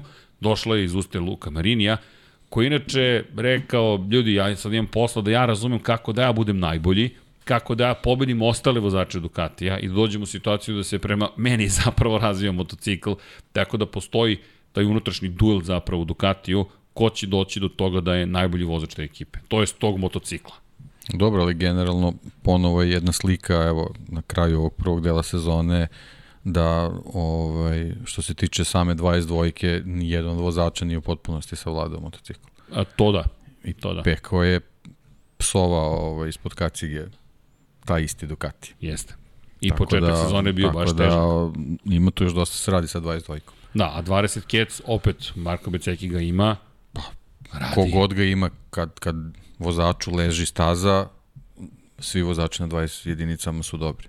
Inače, Beceki je bukvalno rekao... I, i uključujući i Diđu, i Becekija, i Bastianinija, kad se sklope kockice, oni su neuhvatljivi definitivno. Da, samo da, da se nadovežem, izvini, kada si spomenuo Neo Bastianinija, Alex Marquez, potpisan ugovor, prelazi u ekipu Gresini Racinga, biće klubski kolega sa Fabijom Diđan Antonijom, potvrđeno je produženje ugovora sa Diđom, potvrđeno je potpisivanje ugovora na jednu sezonu za 2023. sa Alexom Marquezom, tako da Alex Marquez dolazi u Ducati, inače rekao da je srećan što ide u nešto u čemu će biti sam, u kontekstu toga da nema ni Honda ni Marka kao njegovog brata, već je samo njegova priča. I jedva čekam da ga vidim u Ducatiju, želim da znam šta taj čovek, momak, može da učini u Moto Grand Prix klasi. Mislim da je preveliko opterećenje za njega bilo i velika smetnja to što je došao u tim praktično svog brata, i što je potom ostao u Hondi koja je mnogo više pod uticajem njegovog rođenog brata. To je čovjek koji ima dve titule šampiona sveta i u Moto2 klasi i u Moto3 klasi. Želim mu sreću, ali to automatski znači da je Enea Bastianini, kao što smo i pretpostavili, neće ostati u Gresini Racingu sledeće godine. Ali dobro, Enejna priča, doći ćemo i je ne. U svakom slučaju, Peko Banjaja ima puno poverenje, uz ovu pobedu svašta je moguće. Fabio, ukoliko ne bude pobedio ni Peka ni Aleša u Silverstonu, opet smanjuje se razlik. Sad, za koliko bi moglo da se smanji, ko zna, 9, 12 poena, 10, ne znam.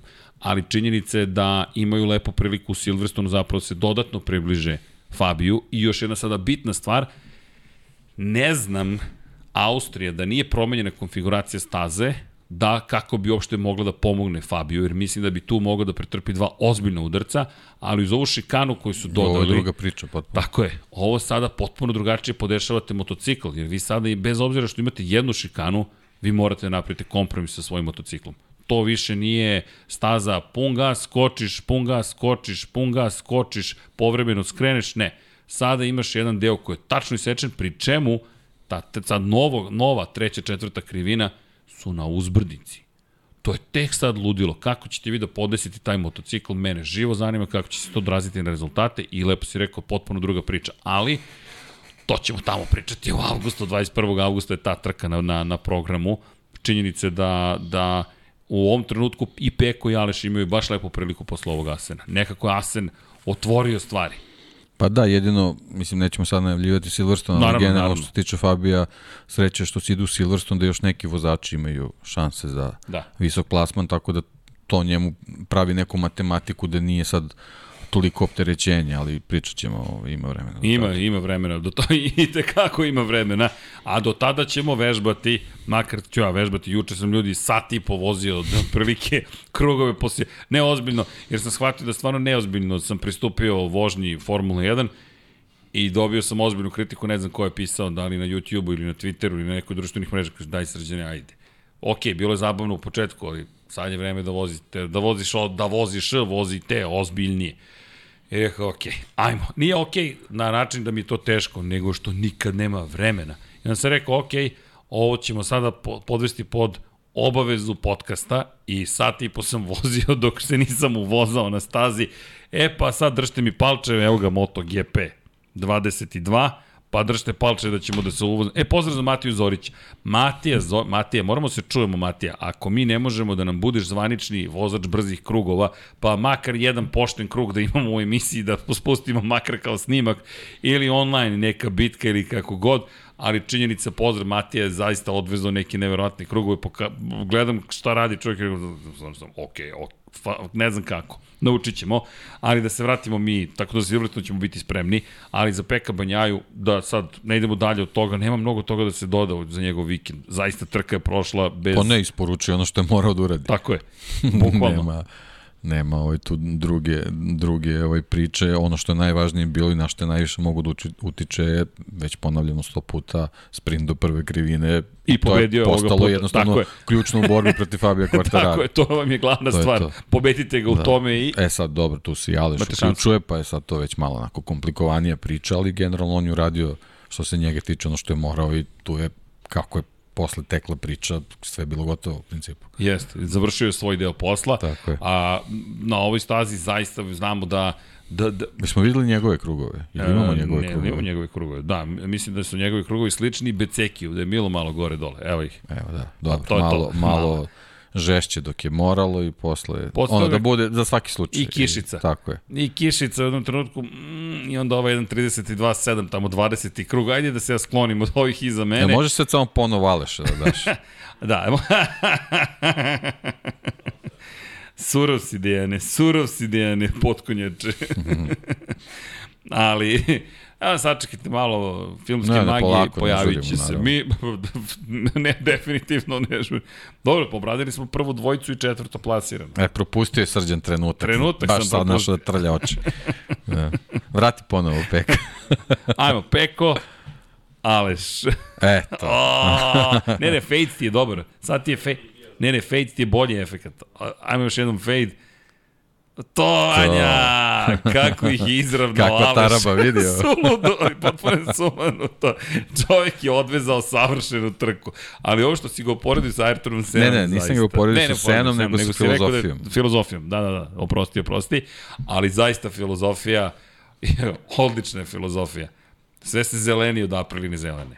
Što me dovodi do numero tres. Do milijarde do na- milijarde, na blagajnama. Do milijarde na blagajna. Čekaj, Maverick Vinales na pobedničkom postolju. Ima mnogo simbolike. Voli čovjek tepsiju pa O, to sam teo ti kažem, mora da bude ravno. Kad stigne do ravnice, sve je u redu. 12 meseci, pošto je stajao kao najtužniji čovek u istoriji Moto Grand Prix-a na pobedničkom postolju Asenu, iako je bio drugoplasirani, ali iza klubskog kolege Fabio Quartarara, Maverick Vinales se vraća kao treće plasirani i najsrećniji na pobedničkom postolju. Gotovo, mada teško. Beceki mnogo, možda najsrećniji, a i Peko, svi su bili baš, baš zadovoljni. Pa generalno prva četvorica, kad Čista se pogleda, čista radost. Čista radost. Prvi nezadovoljan Brad. Brad, sklonite mi se s puta i da je laše Spargaro, Binder i Jack Miller. Oni nisu bili preterano zadovoljni, ali svaka čast Mavericku Vinjalesu. Besmisleno resetovanje jedne karijere koja je trenutno kulminirala ovim plasmanom na pobjedičko postolje. Prošle godine, posle Asena, smo se pitali šta će biti, s obzirom na činjenicu da je bio na poziciji 2, imao pol poziciju, zaista izgledao sjajno i došao do toga da jednostavno ne može da podnese poraze koje je trpeo, to je tako delovalo i na kraju pokušao da uništi Yamaha u Austriji, dobio otkaz, dve trke smo imali u Austriji, posle prve već je bio pored ograde i potom otkaz iz Yamahe i Aprilije koji kaže nećemo Dovija, hoćemo Maverika. Kaže Aleš, očigledno. Kaže Aleš, da. Kaže Aleš. Pa Jel sad ove neke izjave Maverika da u slučaju da Aleš bude u prilici da, da se bori za titul, da će učiniti sve da mu pomogne, nekako ovaj, nam potvrđuju ono sve što smo i, i, i čitali tada da se zaista Aleš zauzeo za, za Maverika da on bude taj i deluje da nije pogrešio. Deluje, Možda je taj tako je. njegov uzlet trajao malo duže ili, ili pitanje u stvari kako bi to izgledalo sa Dovi, mislim to nikad nećemo znati, ali ovaj generalno sad sve dolazi polako na svoje mesto što se tiče Aprili. I videlo se taj njihova radost u boksu i sve, znači ovo je sad bilo onako baš jedna dobra kompletna trka. Jeste. Bez obzira eto što nije nije ponovo ovaj krunisana pobedom, ali mislim da zaista to sad u ovom trenutku nije toliko bitno. Bitno je osvajati veliku količinu bodova i to je to. Ali deki, ko ne silazi iz pobjedičkog postolja? Aprilia ne silazi iz pobjedičkog postolja. Dok, to isto ne možemo da kažemo za Honda i Yamaha, inače, ne usetim koji, ali moram da potražim, je tweetovao da je sada prvi put Yamaha od 1989. godine ostala bez jednog jedinog konstruktorskog poena u jednoj trci. Dakle, samo trku, pošto je Honda proslavila neslavni jubilej da je prvi put od 1982. to uradila, Yamaha je došla I u situaciju. ponovo sličan način da jedan motocikl završava trku. Da, i da ako nemaš vodećeg svog vozača, kao da nemaš nikoga, da. nekako to postaje simptomatično u Moto Grand Prix. Zato su mnogi ljudi pitali Luko Marinija da li je Ducati razvija za jednog vozača ili za više njih. I rekao, ljudi, to je, ako želite titulu, to je logična stvar da se fokusirate na jednog takmičara. Jednostavno, takav je Moto Grand Prix. Ako se fokusirate na sve nas, dobit ćete nešto što je dovoljno dobro u svakoj situaciji, ali nije najbolje u gotovo svakoj situaciji ili za jednog konkretnog vozača koji to može Da, ali dobro, jedino sad u toj čitavoj konstalaciji ovaj, Yamahina ogromna prednost je što ima tog jednog vozača u vidu Fabio Quartarara. Jeste. Dok Honda Honda nema vozača. traži Tog. jednostavno u krizi je, a Ducati, eto, ako su oni izabrali Peka, generalno, ne znam sad koliko ova sezona, ali sledeća će biti prelomna i izuzetno važna. Da, ovo je neka prilika koja tu definitivno postoji trenutno, ali ništa više od toga. To je samo jedna prilika i ne tako velika prilika. Jer Fabio je jednu grešku napravio i verujem da će i tekako se pripremiti za Silverstone. Ali opet, šampionat se otvorio iz te perspektive. No, da ne pobegnemo od Maverika Vinjalesa, svaka čast. Pa dobro, da, mislim, Lepa trka.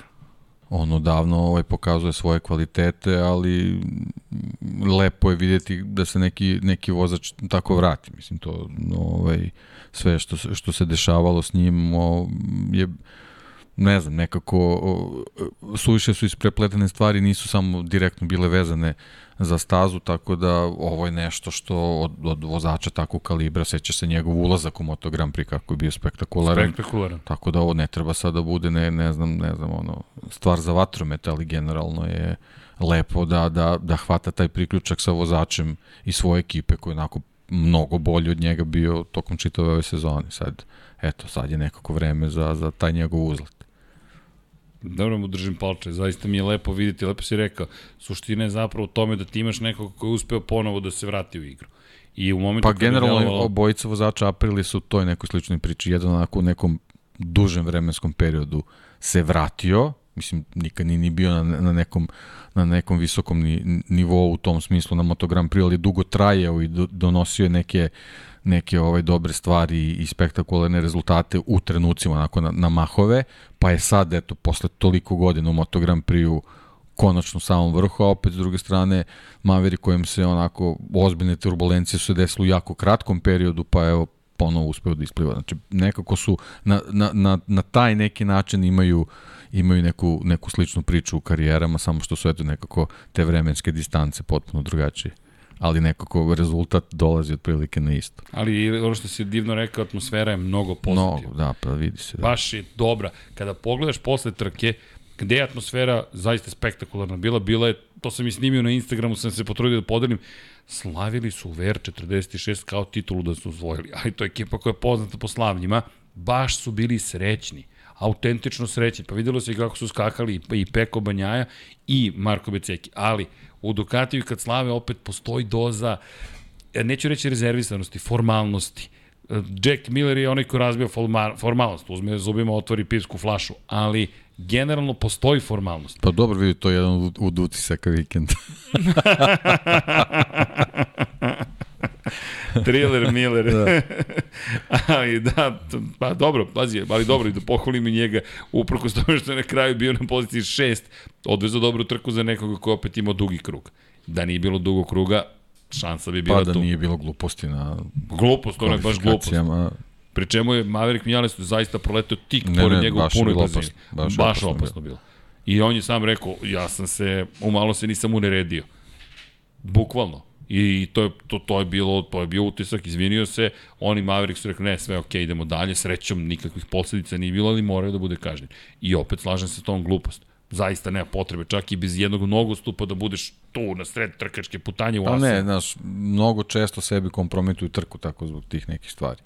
I superno odradi duge krugove, sve, sve ok, ali generalno Zašto? baš, baš eto sad pogledaš tu situa situaciju u šikani pred ciljem, da nisi imao dugi krug. Ti si kod Maverika. Ti si kod Maverika, bukvalno. Ti si u bici za plasman na pobjedničko postolje. Ali to opet, to je Jack Miller. Ali, kažem... Nema, nema, nikoga ne, nema, ne mora da krivi za to što je uradio. To je jednostavno tako i to je to. I to je, to je opravdana kazna. Ako već pričamo o, o načinu kažnjavanja i tako dalje. Bilo je opasno, ništa se nije desilo, ali jednostavno moraš da budeš kažnjen da, da bi se malo koncentrisao, da, da, da ne radiš takve stvari sledeći put. Da, on ali nisam siguran, da mislim, se... dešavaće se to definitivno. To pa je dobro, jednostavno njegova priroda. To, to je Jack to je Miller, to, da, jednostavno. Da. Jack Miller da. će biti Jack Miller. Samo eto, nada da će da ostane tako. Znaš, da, da se ne desi nešto nezgodnije. Dobro, Jack mislim da, da, da djeluje mi da je čak i on sada došao do stadijuma da, da je svestan situacije. Zaista je bilo opasno. Sad nadam se, deki, možda grešim, vidjet ćemo. Ono što su njegovi kvaliteti svako jeste ta neformalnost i ta neposrednost u komunikaciji i činjenica Ma ništa zaista... nije sporno, sve ono, stvarno, stvarno osoba koja je potrebna Moto Grand Prix-u i, i zbog tog svog nastupa koje je diametralno suprotan čak u odnosu na neke druge vozače i zbog njegove brzine, vožnje, talenta, svega, ali, ali eto, mislim, ta, ta, te, te neke sitnice koje pre svega narušavaju njegov nastup, ovaj, bi bilo dobro da, da nestanu. I onda sve može da bude ovaj, malo malo bolje i povoljnije po njega, nadam se. Dobro, ide u KTM sledeće godine, vidjet da, kako će taj ceo eksperiment da... Da, vidim da, da, da ga onako stvarno ga sa, sa ovako željno iščekuju, ovaj, što, što može njemu samo da imponuje možda njemu neku dodatnu motivaciju, mislim vidi se, on je, on je stalno motivisan, nema tu nikakvih problema, ovaj, ali ne, neku dodatnu pozitivnu energiju mogu da, da mu donesu koja je očigledno isisana u, u Ducatiju. Da, ali baš, su, baš deluje. Zato ti kažem, imaš tu formalnu atmosferu uvek u Ducatiju. Uvek nekako je teža atmosfera. Koliko god oni vole motociklizam, raduju se, teža je. U VR46, verujte, nema opuštenije atmosfere od VR46 i onda idete dalje. Inače, u Pramaku je dosta opuštena atmosfera, ali Pramak zaista nima dobro, nešto ali, mnogo razloga. Da. Dobro, opuštena atmosfera. Svi su oni, vrlo ne, se koncentrišu na, ne, ne. na, na pripremi to sve, ali, ali, ali ti neki detalji vezani za analize su onako opušteni u tom smislu da se ne pravi presija bespotrebno. Pa, to je važilo za Yamahu dok imala Australijance Oni su inače psovali mnogo, Japanci su nisu mogli da ih slušaju, to je čuvena priča da Japanci nisu mogli da da veruju koliko se psuje zapravo u garaži kada su prešli u Yamahu, u Hondi su već bili navikli na njih. I kada su prešli 2004. godine u Yamahu, Yamahini inženjeri su imali problem jer znaju engleski i ulaze u garažu u kojoj samo lete psovke. Dakle, samo se psuje, neprekidno se psuje, pri čemu se proziva čak i vozač. Dakle, i Jeremy Burgess i Alex Briggs i cijela Brent Stevens i cijela ta ekipa mehaničara nimala problem da ako Valentino Rossi nešto pogreši da mu to kažu. Fe, fe, fe, F, F, F, F, F, da pi, pi, pi, pi, pi, pi, pi, pi, pi. I bukvalno je pričao Alex Briggs, kaže, panci uđu, A pilići samo trče u, na hranu. I ne može da pod, ne, ne mogu da ostanu jer im je neprijatno, jer se toliko psuje da je ljudima neprijatno i onda izađu iz garaža i vraćaju se, dok su se navikli da oni tako funkcionišu. Tako da su to mega profesionalci, ali njihov pristup je opušteniji u, u stvaranju te atmosfere. I onda dođeš u Ducati gde su svi mega ozbiljni, sve je ozbiljno, sve je tako seriozno. Slično je u Repsol Hondi, ne, nema sa šali. Otišli australijanci, otišli bukvalno australijanci. Verujte, Jeremy Burgess je bio poznat po tome I ostala praznina. I, I ostala je praznina, bukvalno. Inače, kada pričamo o nekim legendama, moram da, da, da kažem jednu divnu stvar. Ajde, spomenuo smo i Rosija, čisto da iskoristim intermeco. Vanja, daj fotku, daj fotku, zašto? Upoznali sam i Henka Kulemansa, čoveka koji je autor svih fotografija koji su u knjizi Sve moje trke Valentina Rosija. Inače, da nam se pohvalimo, naše knjige su našli put do knjižare prve, Buka Store, veliki pozdrav za ekipu iz Buka Aplauz, Store. Vanja. Kako? Aplauz za Buka Apla, Store. aplauz za Buka Store, bukvalno. I ovo inače na Bulevaru Revolucije u Beogradu uh, stavili su vrele gume, kažem šta, vrele gume za vrele leto, kaže otprilike. To su oni stavili. Inače, ovo je bukvalno izlog danas. I kao što možete vidjeti, Dekijeve knjige Crveno i crno, Ayrton Sena, Mihael Schumacher, to je put ka savršenstvu, neotkriveni Kimi Raikkonen i Valentino Rossi, ono je fotografija Henka Kulimansa. Henk Kulimans je inače legenda i čovek koji ima fotografije sa svih 90 trka u Asenu. On je obnovio arhivu zajedno sa stazom Asena. Ima sve postere svih trka koje su ikada održane u Asenu i nešto smo pričali, pravimo neki, kujemo neki plan, pa ajde, držite nam palčeve da to sve prođe kako treba, ali Henk Kulimans koji je zvao da pita, nije znao da smo već pripremili knjigu za njega, jer smo znali da će biti u Holandiji, čovjek je holandjanin rođen, 10 km, 40 km zapravo od staze same, i koji je rekao, jel možete da mi donesete knjigu, ali pazi sad ovo, da vidim kako pišete moje ime. Jer, uh, način, pošto u srpskom jeziku se transkribuje, meta Oxley mora da se napiše kako se čita, to je prosto pravilo, ne možemo da odštampamo knjigu ako to nije po pravopisu. Matt Oxley kada je video da piše M, E, T, O, S, L, I, počela je opšta šala u medijskom centru i u padoku Matt Oxley. Jer sada hoće da se potpisuje Matt Oxley i to je sad mega zabavno postalo. I Hank Kulemans koji zove kaže, možete meni donesti knjigu da kako piše Hank Kulemans. Mala je razlika, piše se Kuelemans. A je rekao, ha, Kulemans i onda zove drugare, dođete da vidite kako mi pišu ime. I tražio... Ko Rossi fali jedno slovo. Ko, ko fa, da, da, da, u VR46 ekipi su nas pitali što fali, što nedostaje jedno slovo sa. I onda bilo objašnjenje, ne nedostaje, ali činjenica da je mnogo simpatično bilo. I inače, da, neću vam reći kada će biti odštampana i objavljena knjiga, ali su prava kupljena za Mark Marquez, snovi se ostvaruju, to je monografija iz 2013. godine, jedina do sada njegova autorizovana knjiga. E, to smo i podelili sa ekipom iz Repsol Honda koji su se baš obradovala. Inače, porodica Marquez je morala da odobri ko kupuje prava, tako da pošto porodica vlasnika autorskih prava i odobrili su da mi kupimo ta prava, tako da smo tu mega ponosni, ali eto da vam potvrdim još jednom, zašto vam ne pričamo o datumu, pa mislim da je dosta jasno. Jednom sam se opekao, sad ću znati kada mogu da saopštim kada će datum biti objavljene knjige, jer mnogo je faktora na koje sada imamo uticaj, ranije nismo imali i neki faktori na koje nemamo uticaj, kao što je zaista kriza sa papirom koja, se, koja je sve zadesila, ali ja vam se još jednom izvinjam svi koji ste čekali na, na knjigu o Valentinu Rosiju, nadam se da se isplatilo i to se neće više ponoviti. Kada budemo dali datum, taj datum će se desiti. Ali čisto da znate, Hoen Kulemans koji je eto, hteo da vidi knjigu i to je bilo potpuno oduševljenje s naše strane i onda me zamolio da mu napišem posvetu. Rekao, pa ja vama da pišem posvetu, mislim da, ste, da, ste, da, ste, da, da je situacija obrnuta. Kaže, ne, ne, hoću da mi napišeš posvetu na srpskom. I napisao sam mu i onda sam mu preveo rekao, ok, to dobro zvuči. Ali, dobro. Eto, to je, to je neka lepa priča, samo izvinjam se malo. Mala digresica, mora malo da se desi neka digresija. No, nije davno. Tada, moramo da ubacimo stvarno. Tadan.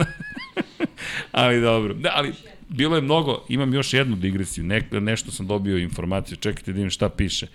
A, šta je... Ima, dobro, da, šta, šta treba da pročitam? Nešto treba da pročitam, ali ne znam šta. Aha, bulevar. Pa dobro, bulevari, neki je bulevar. Sad ne mogu više da pohvatam. Ja, ja sam mnogo star čovjek, meni su su ulice toliko puta promenili, ne mogu da povatam više koja je ulica i koja je ulica. Tako da ne zamerite. Znate, bulevar, eto, u bulevaru. Da, pošto se zove drugačije, ali s kakve veze ima. Drugo, šta sada? Ako imamo pirate u MotoGP-u, može da bude revolucija, kakve veze ima. Ali, hvala koleginici iz prodajena na preciznosti.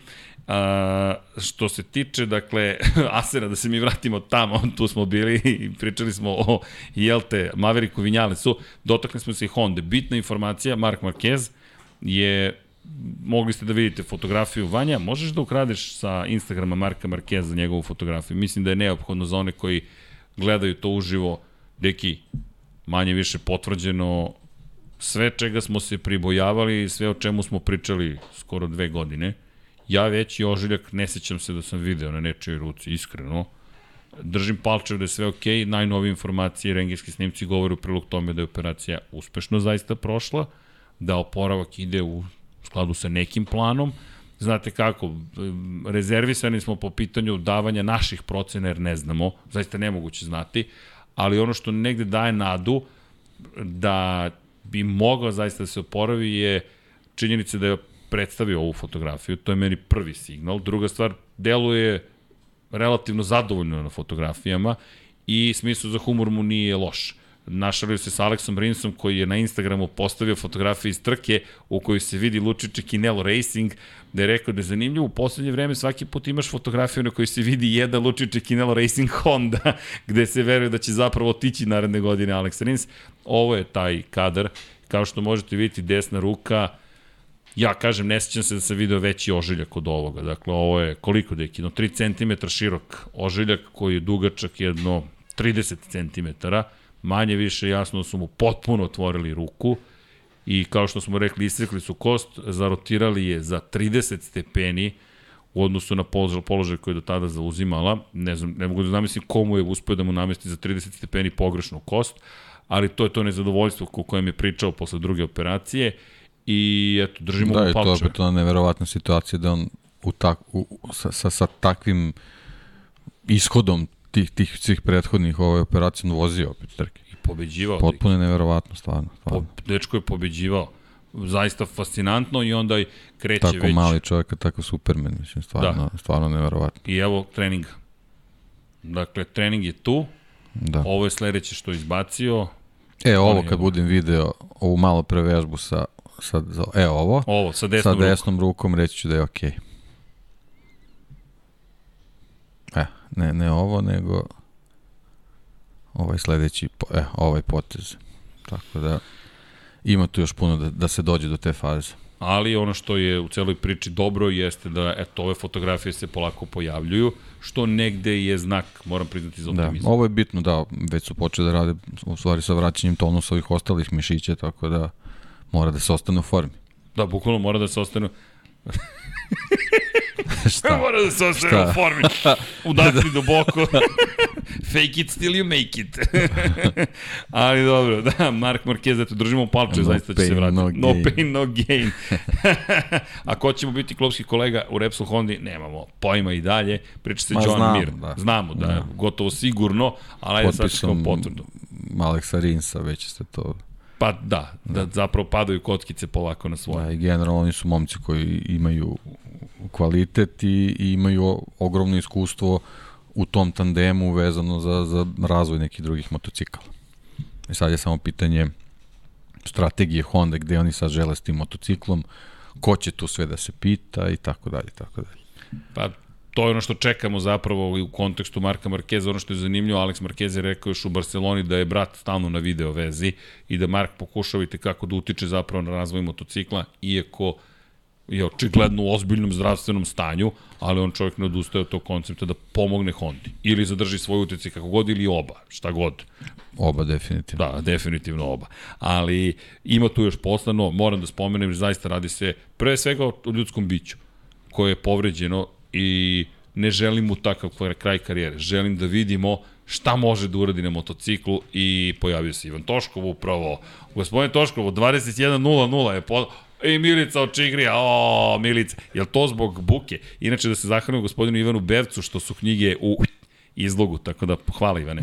Jer Ivan nas je primio, pričali smo i a, bukvalno ne, nema u drugim knjižarama, i neće biti još neko vreme, s obzirom na činjenicu da smo nekako mi tako intimni pomalo i onda Ivana smo slicam okolnosti upoznali preko ekipe zapravo iz Paramount, Danijela koja nam rekla zovite Ivana Bevca, važi, pa onda preko Ivana Minića Bureka i onda neko se sklopi ceo krug i onda kažeš, aha, čekaj, i otišli kod Ivana Ivan je bio u fazonu, ej, ajde da vas podržim, u smislu mi kažemo, ej, vidi, da nam ne tražimo mi tu vrstu podrške. Nama je samo bitno da sarađujemo sa ljudima s kojima možemo da delimo razmišljanje o ljubavi prema knjigama, jer Bukar nije tako ogroman lanac, ali lanac.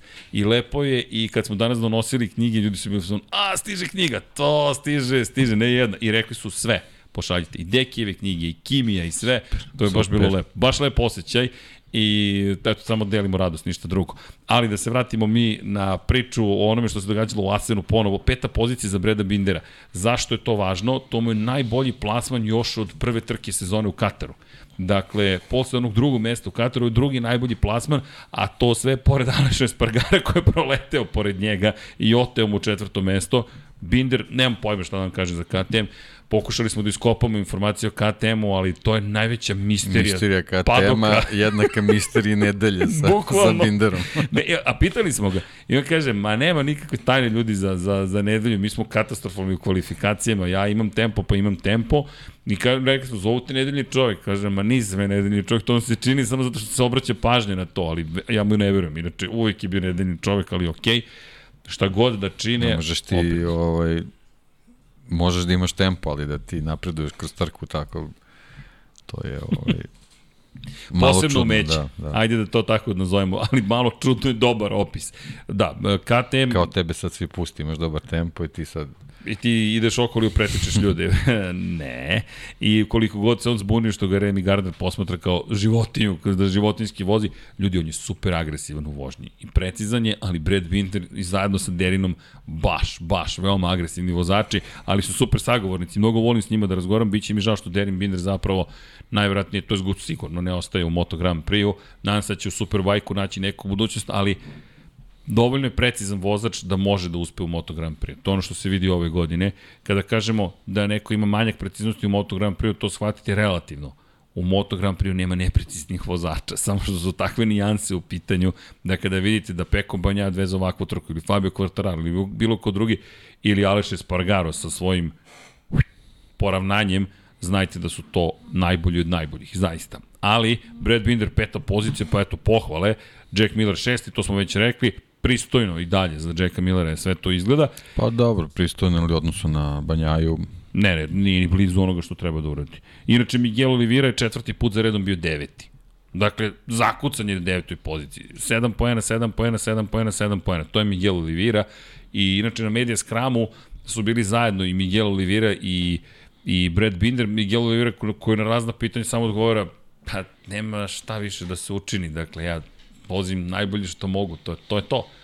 This is it, to, to je to što se njega tiče, ali Miguel Oliveira zanimljivu izjavu dao tokom ove trke je imao ozbiljan problem. Ne znam da li ste uočili detalj kada je prolazio pored Joana Mira i zakačio je desnu nogu Joana Mira. Šta se desilo? Desilo se da je Joan Mir zapravo, to iznenadilo, iznenadilo Olivieru, aktivirao prednji sistem za zapravo whole shot device za, za povećanje, ajde, brzine, ubrzanja, obaranje prednje kraja, kada je stajao na svoju poziciju I rekao je Olivira, ja sam to već uradio ranije i bio mi je spušten motocikl i prolazim, puštam da Binder prođe sa leve, nekog je pustio, Binder ide još sa leve i onda pokušam da skrenem, samo da se provučem.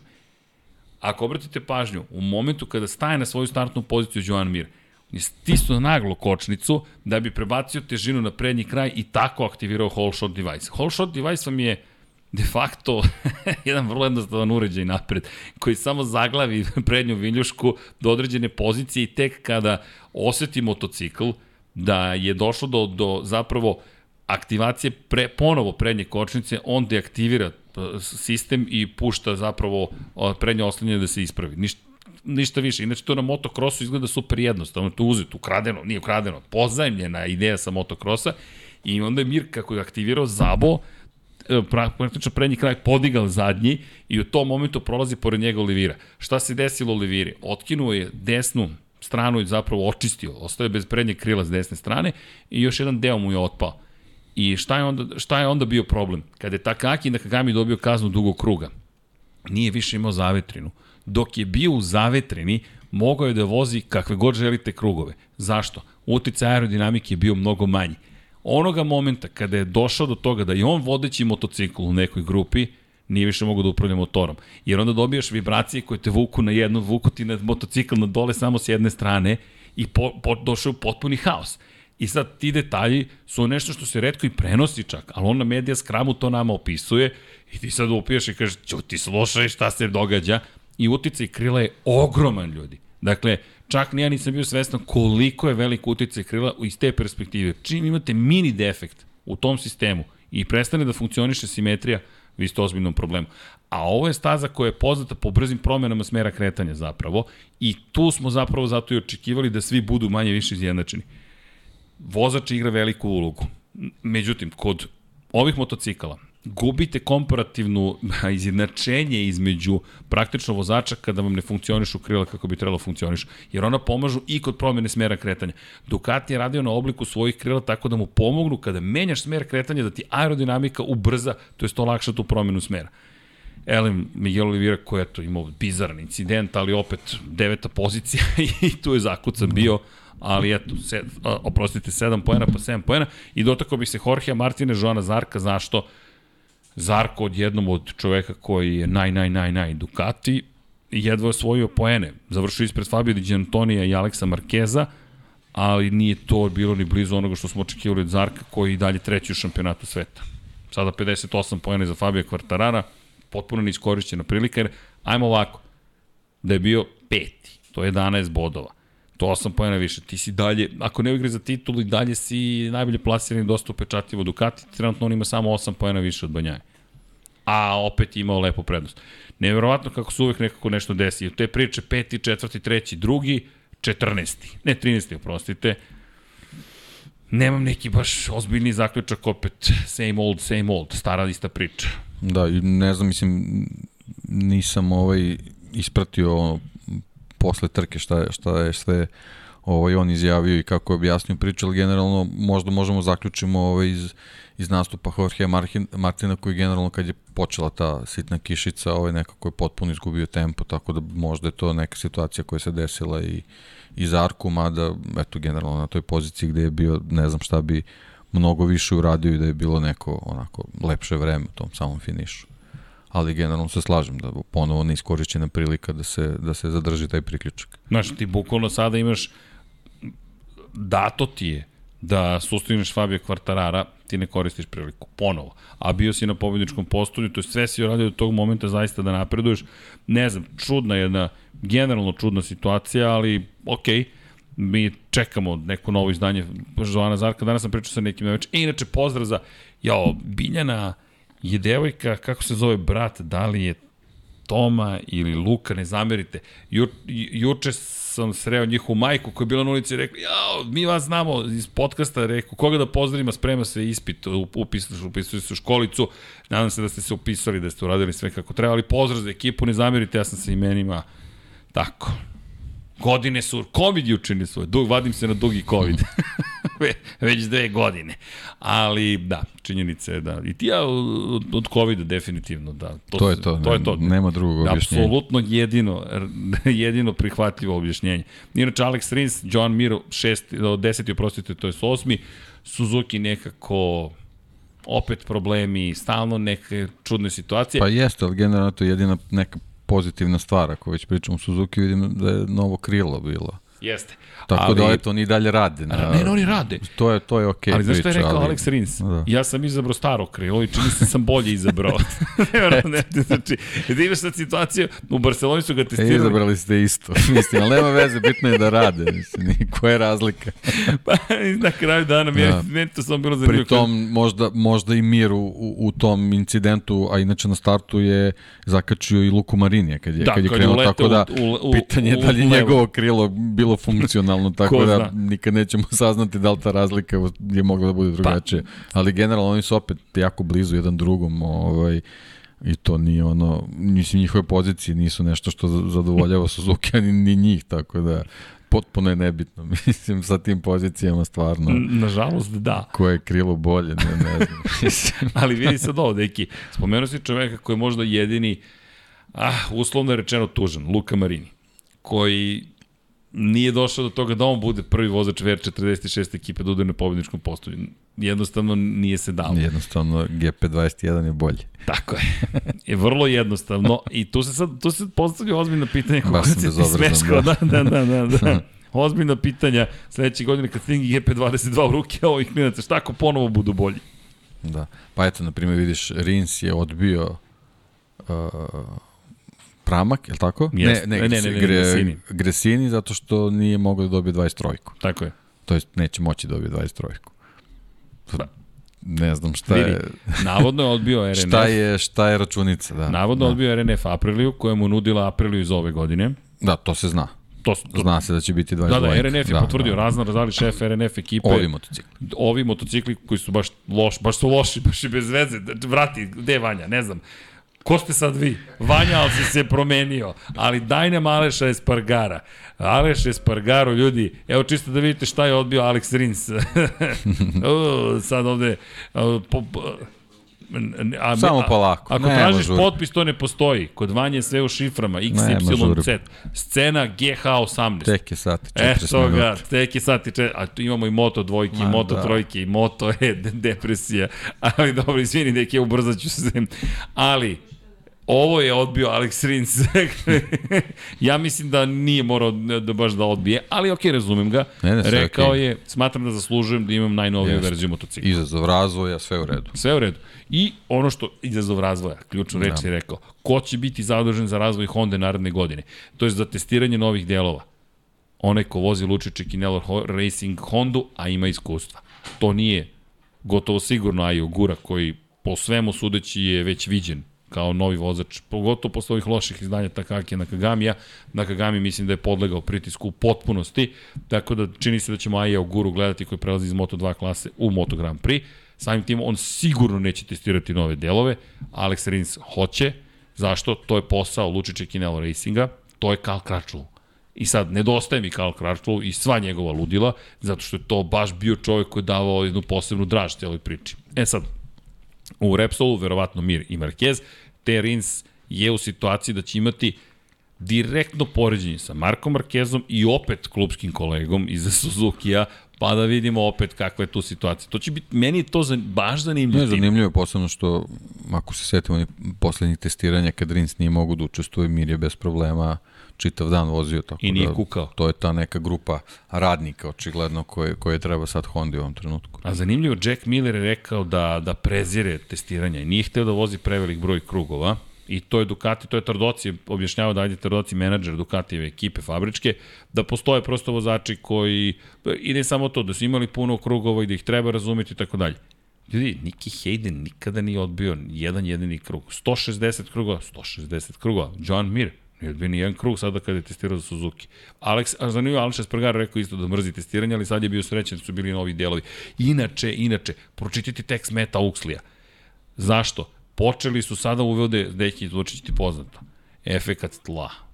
Efe, da vidim, vidim sve, nemoj ništa da brineš. Efekat tla. Samo da znate, o tome ćemo pričati sledeće nedelje. Šta sve su to pripremili, ali efekat tla pokušavaju Aprili sada da iskoriste.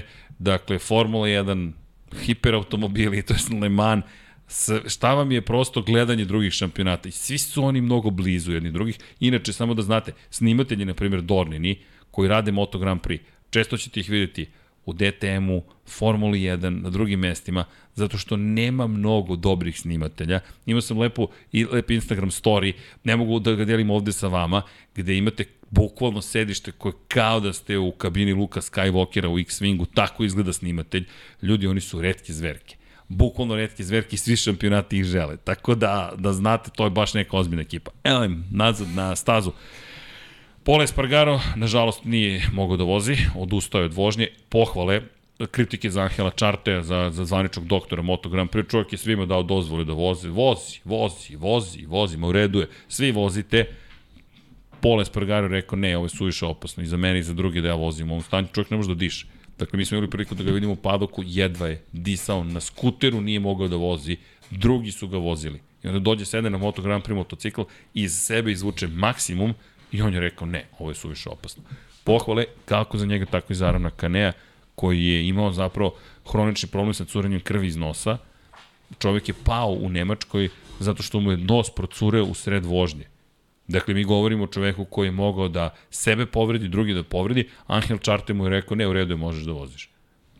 On je rekao, Aaron Kane je rekao, ne, ovo je suviše opasno. Tako da pohvale za vozače, opet su oni najveće legende, apsolutno. Pole Spargaro, teška je situacija za njega, inače za njega kažu da je već izvesno da će voziti za Tech 3 ekipu, dakle vraća se u KTM, ali mora da prihvati činjenicu da sada nije zvezda fabričkog tima, već ako hoćeš na mala vrata dođi ponovo kući Vidjet ćemo, držim palče da će to da donese nešto dobro. Derin Binder ostao bez bodova pao, Andrea Doviciozo nije bio među vodećih 16 i tako dalje i tako dalje.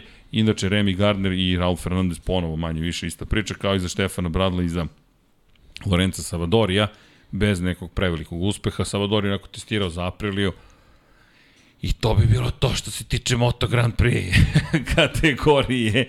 A, ubrzat ćemo se, nemojte ništa da brinete, to više govorim zbog Dekija, pošto Deki ima dugačak dan kad si ustao u 6.30. Znam pojem, ne sećam se. Ko se toga još seća.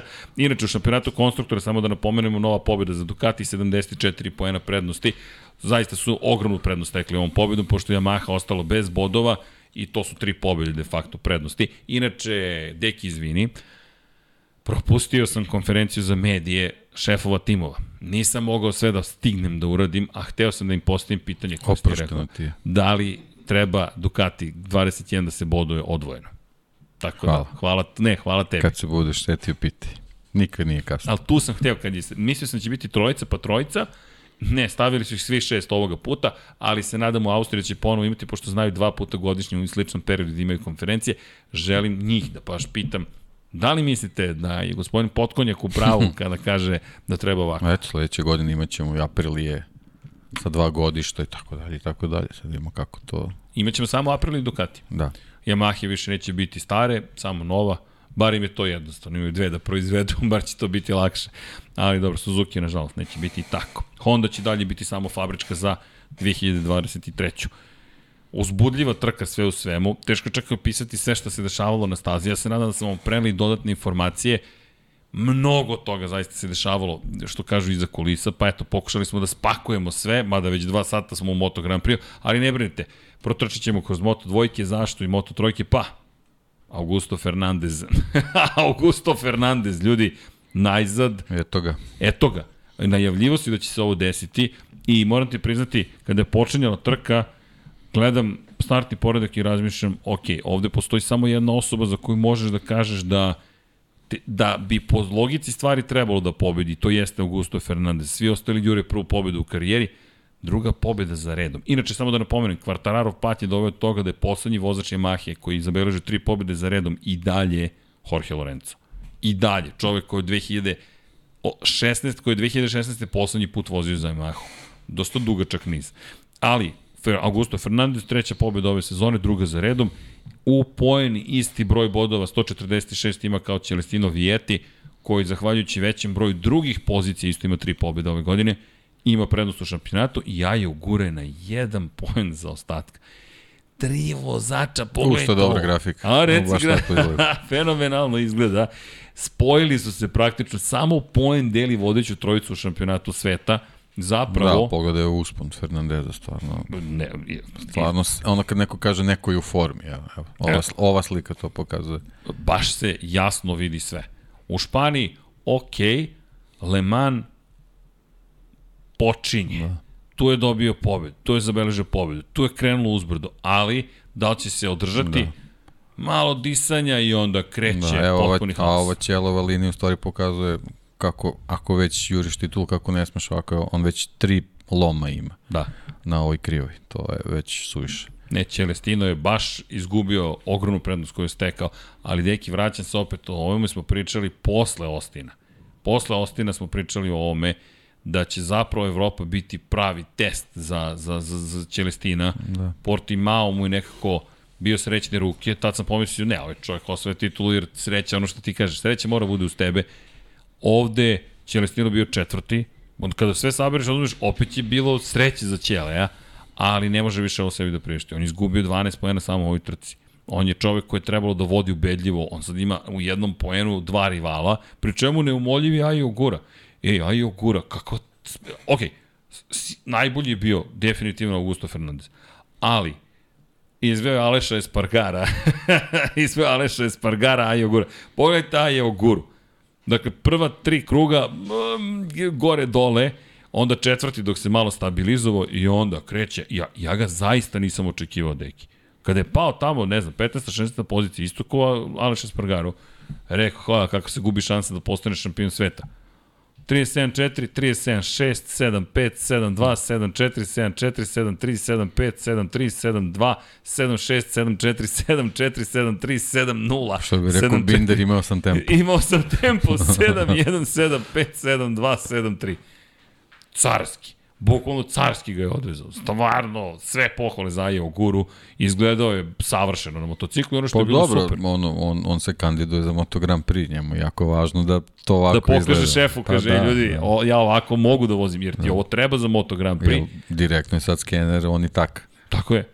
Taka. Šta, bez obzira u kojoj se kategoriji. Sad, sad, sad je taj prelomir trenutak za njih. a 12. pozicija za taku, za tebe Da. druga Pa ne, pozicija i šansa da je za titulu. već Ja mislim da ovo rešeno. neka, neka gotova priča. Ne. Na, Ajo Guru ne mora da znači, ali stvarno mi deluje da... Pazi, u poenu je. Samo u jednom poenu je u odnosu na vodećeg u šampionatu. Sve priče, Majić će propustiti priliku, ja kako se propušti, sve, sve ga kritikujem, a on dečko ne odustaje. I ovo je za mene njegova najbolja trka. Pobeda u Herezu super, ali ovo je njegova najbolja trka koju je ikada odvezao. U momentu kada to, priča se o tome da li ćeš ići u Moto Grand Prix, ti praviš grešku, padaš na začelje i krećeš u akciju. I ne samo što si krenuo u akciju, nisi odustao od duela. On napadne njega, preteknu, on uzvrati. On, on napadne njega, preteknu, on uzvrati. On, njega, on tu krug. Napad, kontra, rekontra, sve je bilo. Sve je bilo onako kako treba kod jednog trkača i na kraju pozicija broj 2. Svaka čast. Zaista, skidam kapu. Jake Dixon, inače, pol pozicija, treća Da, pozicija. Standardan. Čudno za njega da kažemo tako, ali... Drugo, treće To je mesto u karijeri da. i ove sezone. Da, Lepo. Baš lepo. Evo, Jake Dixon. Ne možemo baš da kažemo da... da... Bilo mu je zabavno. Bilo mu To tako izgleda, Bilo je da. svega, gore, dole, gore, dole Da. ko škole. Ali je činjenica da je, da je Dixon završio svoj deo posla. Završio, treća pozicija za gas gasovce, sjajno. Celestino Vijeti, pazi, kritikujemo ga četvrto mesto, ali to ti govori opet o njegovom potencijalu. Samo, kvar motora u Italiji, osmi u Francuskoj, pad u Nemačkoj, Dobro, ovo je bilo za dlaku, generalno. Jeste, Ali dobro, da. Ali, ali opet, Ćele... Da je, da je bio podijum, više bi njemu onako psihički značilo, ali sad je velika ta pauza, sad može motocross da se vozi na ranču, pa, Malo da se sedne sa pa gazdom. da, malo da se resetuje, pa... A bit će oni veseli. Banja je A da, pobedio, da, Beceki okej. bio drugi, dolaze u potpuno raspoloženje. To je jedna banda tamo, pa na, na, ranču će da divlja. Pazi ti šta pričaš. Da, da, da, da, da, ali na, na najpozitivniji mogući način. Dobro, sve okej. Gotovo, rekao Gotovo, si. rekao si da je banda u pitanju. Ali, inače, Luka Marini, pitali su ga, pitanje je bilo za, na, tokom skrama, pa dobro, jel sad, šta planiraš da napređuješ na, na ranču? I ne, da li ćeš voziti na ranču? Pa kaže, moram. Pa kako to, pa ljudi, kako mislite da ostanem u... ne, ja nemam izbora, nije to pitanje da li hoću. Isto pitanje je bilo za Dovi, ćeš voziti motocross. Dovi koji, ka, mislite, sledeće godine šampionat. Pa ne, ne, sad između trka. Pa moram. Znaš, kao, ne znam šta me pitaš, bukvalno kao da me pitaš da li ću jesti. Ne, ne, moram da vozim motocross, to nema izbora. I pohvalio bih inače Boa Ben Snydera. Najbolji plasman ove godine. Bo se baš borio pred domaćom publikom, baš je želeo da holand, holandska zastava bude na pobjedničkom postolju. Nije mogao, ali lepo ga je bilo videti u jednom izdanju koje smo mnogo ranije očekivali njega. Boben Snyder, očeo ostaće već da priča o tome da svoj kup talenata Red Bullov, kup Novajlija zapravo Red Bullov, bilo je mnogih mozaka koji su osvojili, nikad ništa nisu zbiljnije učinili. Bo je dobio te prilike u Moto trojkama, bio u, prvom, u prvoj sezoni dva puta na pobedničkom postulju, ali prerastao motocikl, Moto dvojkama nikada nije ovladao, već tada izgubio podršku Red Bulla. Red Bull mu je bio sponsor i podržava ga u prve dve sezone takmičanja u Moto trojkama, posle toga to nije bilo to i lepo je malo da nas podsjeti zapravo kako može da vozi Bob Ben Snyder, ali bojim se da će biti priča kao nekada davno sa Špancima. Na svom terenu brzi, a nigde drugde. To sad više ne važi, Španci, Španci zaista zajedno sa Italijanima dominiraju u šampionatu, ali činjenica je prosto da je bilo lepo videti Boba Ben Snydera. Alonso Lopez šesto mesto, samo da konstatujemo, Alonso dosta agresivan, dosta agresivan, ali opet šesta pozicija, opet najbolji lični plasman za Alonso Lopeza. Osmi, osmi sedmi, šesti. S druge strane, Fermin Aldegir, ah, nema te konzistentnosti koju smo očekivali. Pa dobro, dobro, ipak. Mla, polako, mlađe, pa da, slažem sad se. je onako teško je pričati Slažem kad se. uletiš među te lavove, ovo, Baš je posebno posle one Argentine, bukvalno. On je od onda se nije oporavio. Od tog trenutka nikako da, nikako da stane na, a, na znaš šta ovo je točku. priznao ovo, ovo, ovde? Rekao je, počeo sam da radim sa psihologom. Bukvalno mora da počne, jer Čelestino je baš bio surov. Ali to se vežba na ranču. Šta vežbaš na ranču? Pa tamo si stvarno među ajkulama. Baš si, kako ti kažeš, među lave. Došao si među divlje zveri, poješćete. A nisi bio na ranču, jer sve je hi, hi, hi, he, he, he na ranču, dok ne sedete na motociklu. Fabio Kvartarara da citiram.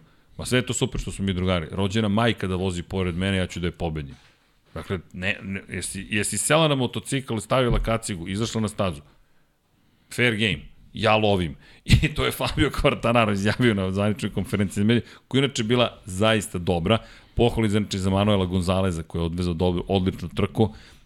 Kvalitetna trka. Prosto Joe Roberts bio osmi, ali najveći utisak zaista jeste ta činjenica da Augusto Fernandez neko ko čini se, neću reći s lakoćom, ali tako deluje, kao da je ovo lako postalo sada za Augusto Fernandez. Ti ga vidiš da nije najbolji u kvalifikacijama, ali da će biti tu. I ono što mi je super, nije odustao i ako pogledamo krugove, najkonzistentniji su. Da. Ovo je prosto vožni nekoga ko zna šta radi. I bojim se da kad odemo na stazu u Silverstone, koju voli, na koju je pobeđivao, da će biti baš teško konkurenciji da se vrati u igru. Ono što je super, bitka nije završena. Tako da sada Celestine, Celestinu je da se pripremi za nastavak sezone, Ajo Gura takođe, Aron Kane, ja mu zaista držim palčeve, ironije je da je Kane propustio celu trku svesno, a da ostaje samo, samo 30 bodova pošto je propustio jednu celu trku. Da je bio peti, to je 19 pojena razlike. Dakle, to je čovek koji dalje u igri za titulu šampiona sveta i držimo palčevi, inače doživio je saobraćenu nesreću, njegova devojka vozila isključila greškom kontrolu proklizavanja, i kao neko ko nije profesionalni vozač dodala je gas pre agresivnog iz krivine, pola automobila je nestalo praktično. Ono što je problem je što je tako snažno udario nos, nosom zapravo Aron Kane u tom incidentu, da je slomio nos i oštetio jednu od vena i često ima krvarenje. Inače, pao je u nesvest posle toga, pet minuta je čak izgubio svest, rekao je u početku da je sve okej, okay, međutim sada je priznao da je daleko od toga da je okej okay i da prosto mora da pauzira jer moraju da sredi, inače imaju intervenciju u Nemačkoj, pokušali su da zaleče tu venu, ali su navodno oštetili drugu venu. Tako da sada ima dupli problem, ali eto, pet punih vikenda pauze, za šest nedelja ćemo biti na stazi, držimo palčeve da će se oporaviti, da ćemo ga vidjeti u nekom dobrom izdanju i pohvalio bih još Filipa Salača, zašto? Zato što je Salač bio kroz sve treninge zaista brz i najbolji plasman u karijeri u Moto2 klasi, 10. pozicija za Gresini Racing.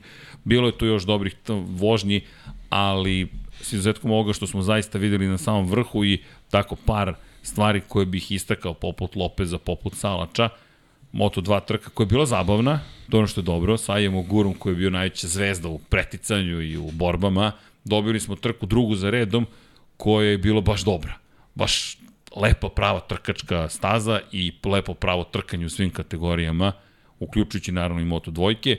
Nekako Moto dvojke mm, su nas doveli u situaciju da ne očekamo više previše od njih, nekako previše dominacije jednog vozača ili nekoj situaciji nekog pobega. Činjenica je neče u Nemačkoj pobegao Augusto Fernandez, ali prebaci se na Kataloniju u, u Barceloni, baš spektakl napravio Celestino Vijeti. Tako da eto, držim palče, ćemo nastaviti ovako da vozimo u šampionatu uzbudljivo, a u moto trojkama... I to je bilo uzbudljivo.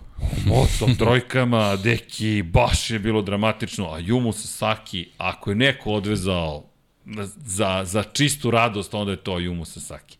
Ja moram Eto, priznati... Konačno. Konačno. Crazy boy, baš je bio pametno, ali crazy. Inače rekao je, moja strategija je bila da ne dozvolim da ikon bude ispred mene, kad, a da Izan ostane ispred. I da Izan vodi u celoj trci, a da sam ja celu trku drugi i da ga tako pobedim i tako ga i pobedio. A Jumu kefalo. Kratko i jasno. Kratko i jasno i baš je bilo lepo videti ga za 51. Max Bjađiv rođendan. Čekajte. Eto. Šef ga, slavi rođendan i Ajumu kaže, šefe, za tebe evo jedna pobedica, fenomenalno, Izan Givara drugi, treći Sergio Garcia, ako je Brad Binder nedeljni čovek, Sergio Garcia je čovek koji funkcioniše samo nedeljom od 11 časova. I Max Bjađe mlađi od mene.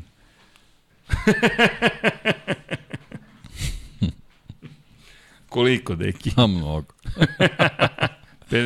A dobro, nije tako šal, mnogo, nije šal. mnogo, nije mnogo mlađi. Znaš ti koliko je Max Bjađe godina tamo? Max Bjađe je tamo da. od 93. Ajde. Ovo mu je 30. godina. Tako? Da. Dobro. Ili možda čak i 92. vozio par trka, ne sjećam se, ali sve jedno. Sve jedno. Sve jedno. Apsolutno sve jedno. Preko 30 godine tamo. I dalje brz. I dalje vrlo bistro guma. Inače, ako mogu da ispričam malu anegdotu, Max Bjađi držao časove, inače zna na track dayu da drži časove, neću da pričam sve detalje, ali pomagao je jednom od, ajde, naših poznanika i čovek je veliki Rosijev navijač i ima kacigu Valentina Rosija i vozi i ne može da odveze jedan sektor uopšte, ne može dobro da odveze. I Bjađi dolazi i pita, je to vozač koji ne može da odveze dobro sektor? Kaže, da, da. Jasan vam je problem. Ima kacigu Valentina Rosija. dakle da, Max, u smislu za humor, ne jenjava i ljubav prema Valentinu Rosiju uzajam, ne. Dobro, sad je već sad na je nivou već šale. Nivou da. šale. Ne, ne, pa čak i oni nisu u nekoj mržnji, ne postoji. Pa, ni on je čestito Valentinu. Pa ne. To je baš bilo davno. Baš je bilo davno. I nije bilo lično koliko god se činilo, nije, pa, pa, do, na granici, do, na granici, ali nije otišlo na taj, naš moment neoprostivo je. Ma, na. Prosto bilo je, u, u okviru nekog sporta kojim su se bavili. Vreme leči sve. a vreme, vreme dosta toga izleči. Da, kad dođe neke godine kažeš, a što se mi svađamo mm. uopšte, ja nemam pojme, ne mogu se setiti. Aj, pusti to, idemo dalje. Gotovo, život će prebrzo proći. Kao šta je to bilo? Čekaj se i da pogledamo kasetu da vidimo. Pošto na video kaseti imaju, naravno, nemaju na, na nekom drugom ovaj, nosiocu videa. Da, inače, opet na trećoj poziciji Sergio Garcia, koga nigde nije bilo ni u jednom treningu, ni kvalifikacijama, ali svaki put ćemo ponoviti istu priču. Navijači Sergio Garcia, uopšte nemojte da brinete. No, gas, gas je konstant. gas, gas je... Da. Da, gas, gas je tu. Mada moram da istražim to iz Zenu Givari, pošto se vidi na fotografiji da je nagazio zelenu površinu. Vidi se poslednji krug, a nema kazne. A tu su baš bili rigorozni, pa bih volio da razumem Šta bi? Šta bi sad? Zar nije automatski senzor na zelenoj površini? koji sam određuje da li će neko biti kažnjen ili ne. pa, eto. Var je čudo. var je čudo, da. Da, interesantno je u svakom slučaju, ali eto, to, to moramo da isto, to, to Ko je, da Kome ono bilo u Sachsenringu, onaj mikrometar? Denisu Foći. Je, je li tako? Da, da. Ili to, Tatsuki Suzuki. Ili Onđu, ne, Denis, ili ne, Onđu za ne, Onđu, Onđu, Onđu, za onu kaznu. Onđu, Onđu, da, da, da, da. Onđu za onu kaznu. Senzori su, su baš a to su nemački senzori, precizni. to je, da, to je da, bilo da, preciznije sigurno, postavljeno. Sigurno. to je bilo bolji. To, da, da, da, Asen nema mnogo iskustva sa senzorima. Sigurno. To samo sigurno. 91. izdanje, ne znaju holandjani kako to funkcioniš. Vidiš, baš je Teška čudo. priča. E, inače, da, bizarna, sva ne, ne, da, da, da, bizarna priča, spavanje prvu noć. I sad mi se raspričali. I danje, i danje. I ti pričaš, što danje, kakve veze ima, vidiš da je rano. I sad danje, ali nešto dugo traje ovaj razgovor po danu. I jednom trenutku neko pogleda sat, kaže, ljudi, pola 11. Au. A mi blizu polutara. Što si severniji u ovom periodu, ono tek dva dana od najdužeg dana u godini. Ako se gledamo kao, ok, ajmo na spavanje. Ljudi koji inače nije bio u tom periodu gore u severnim zemljama iz naše perspektive, što severnije, dan je naravno duži, noć je duža kada je suprotna strana kalendarske godine, ali le, lepo je videti kako sunce tako obigrava oko planete tamo, potpuno drugačije priče i naravno probudim se u pol noći, dan je i razmišljam, a nećete me prevariti. A, nećete me prevariti, pogledam ono pola četiri, samo je bilo zavese, žk, kraj priče, idemo na spavanje, ali bilo zaista super i gostoprinstvo naravno na, na vi, visokom nivou. Inače, pozdrav još jednom za gospodina Đankića, zašto? Neka vam bude inspiracija, ponovo išao avionom, i tamo i nazad, i čovek koji je decenijima patio od straha od letanja ove godine, posle razgovora i činjenice da ćemo ići na trke, jednostavno ima trke, rekao, ok, ne možemo više kombijem, učinit ću šta je do mene i svaka čast. Zaista, kad je motivacija, rekao bih, adekvatna, pa eto, uspeo je, tako da pozdrav za Junkie, ja, pošaljite mu ljubav, Junkie Baby 011 na Twitteru ili to na Instagramu, ali ne znam, Junkie Baby, nema mnogo Junkie Baby-a, tako da znate, i pozdrav iz te perspektive zaista inspirativno. Ono što nije bilo inspirativno jeste Šipol ili ti Schipol, kako god želite da ga zovete, ja ga zovem i dalje Šipol, šta ćete, to je po lingvistici lakše da se transkribuje tako da se izgovara, ali to je koleginica koja, jel te, zna to, a ta revizija jezika, čekam je jednog dana pa ćemo da vidimo. Evo samo što nije, da. U svakom slučaju, kako god da zovete taj aerodrom, izbegavajte ga. Trenutno, štrajk je u toku zemaljskog osoblja i to znači da kad god vi da stignete, morate da čekate i da čekate i da čekate. Na kraju je bilo ozbiljno trčanje, ali ozbiljno trčanje. Uvek je trčanje Uvek tamo. tamo je neka drama. Nikad ne možeš stigneš dovoljno rano. Da. Da, ne, Strašno. neverovatno. I baš je bilo onako interesantno, jedva smo bukvalno stigli, a, a najveća ironija je, bez obzira što smo jedva stigli, nema ko da napuni gorivom avion. Tako da, i dalje smo čekali. Zabava, zabavi nikada kraja. Elem, Moto trojke, A dakle... čekaj, prvo dvojke, zato što prošli put nas je ovaj pomeo zbog snimanja emisije. Pedro Costa nije Jo, vozio zbog Pedro preloma noge. Pedro Acosta, Njega ljudi, prošli put nismo spomenuli najavi zato što smo snimali emisiju dan Zaboravim, ranije. pa Zatvorimo da. računare. Nema veze samo Broj eto da, da 51. spomenemo zašto nije vozio i to Da, je to. čovjek je da. prelomio butnu kost, operacija je uspešno prošla, ali je, nažalost, ima puno fragmenata, pa sad čekamo da vidimo kako će to zaceliti. Mlad je, ja držim palčeve, dobro je prošla operacija, će to biti u redu, ali činjenica da to nije jednostavan prelom, to je najveća kost u ljudskom telu, teško se prelomi, ali ukoliko vozite motocross, a vozač je šampionata sveta Da, onda se motociklizmu, baš potrudiš da to uradiš. Tako je, po mogućstvu Kad ne treba. između dve trke u rasponu od četiri. Da. dana između treninga, ali da, nažalost to je deo, da, deo prosto priče, priče, kao što smo rekli, ne možeš da ne voziš motocross, Pedro Costa nažalost propustio trku, bilo kakav san o tome da može da osvoji titul u prvoj sezoni je nažalost tu i, i izgubljen. Prosto sledeće godine će morati se boriti za titulu šampiona sveta. Ja držim palče, samo će sve biti okej. To je Pa da, da, sreću u nesreći, velika je opet pauza, to smo već pričali, Tako je. tako, da jedna trka propuštena, ajde, sad je stvar rehabilitacije i Jeste. kompletnog oporavka. Jeste. I mislim, ja se iskreno nadam da će mladost tu i tekako da, Da, da važnu da. ulogu. Mislim, generalno Trebalo. lom butne kosti ni- uopšte nije naivna stvar, ali eto, mladi. je. Mlad je, bukvalno mlad je. Inače, njegov stari rival iz Moto Trojke, Denis Vođe, je takođe loše prošao. Da, vidiš, i njega smo zaboravili. E, tu mi, on mi je tu. Da. Denis Vođe, ljudi, mm, imam problem sa celim tim incidentom i zaista dalje stojim pri tome da, i to smo baš pričali sa drugim kolegama, rekao, ajde da, da vidim da li sam ja u paranoji, da li smo mi u paranoji, ali taj ceo koncept kažnjavanja za mikrometarsko gaženje je doveo do toga da oni po svaku cenu gledaju da izbjegnu zelenu površinu, jer sudije, ja ne, ne, ne bih zaista teško mi da ih komentarisim na pozitivan način, nemam problem s kaznama, sprovedite ih u delo uvek na isti način. I druga stvar, pogledajte da li negativno utiču na bezbednost vozača. Apsolutno nisam za to da bilo ko skrati stazu ili da uradi nešto što će mu da, doneti ne, nedozvoljenu pomoć. Ali ako mi ne razumemo da u duelu postoji velika šansa da te neko izgura sa staze i da ti prosto siđeš sa piste, onda smo u problemu. Fođa je po svaku cenu pokušao da izbegne silazak sa staze. Nije uspeo, a potom, pošto je ostao tik uz Ivičnjak, u momentu kada pokušao da se vrati, kao da je neko god je vozio po ulicama gradova i upao u šine s biciklom i ima zaglavljen točak znak kakav je to osjećaj, njemu se nešto slično desilo, samo ostao bez bilo kakvog prijanja, to je samo odleteo i imao baš ružan pad srećom, nije povređen, ali de facto sa 67 bodova za ostatka, iako je treći u šampionatu, ja ne vidim ne vidim zaista da može da pobedi i Serhija Garciju i Izana Gevaru. Jednog od njih teoretski bi mogao, ali dva rivala baš teško i to iz iste ekipe Gaz Gaz koja zna kako se osvajaju tituli koja je potpuno fokusirana da ima šampiona sveta i ove godine. Jorge Martinez Aspari je stari lisac, Gino Borso i takođe, to je njegov menadžer ekipe i pričamo o timu koji je teško povediti. Leopard je odlično organizovan tim, ali Denis Fođa sad je već u situaciji koja u četiri trke imaš kvar motora i dva pada i jedno drugo mesto. U tom periodu tvoj najveći rival je osvojio 90, 90 poena. Dve pobjede i dva druga mesta, da, 50 plus 40, 90 poena, ti si osvojio 20, za 70 poena. Imao si prednost od 3 poena odnosno na Gevaru, sada zaostaješ 60, ne, imao si prednost od, od jednog poena, sada zaostaješ 63. Baš je veliki problem.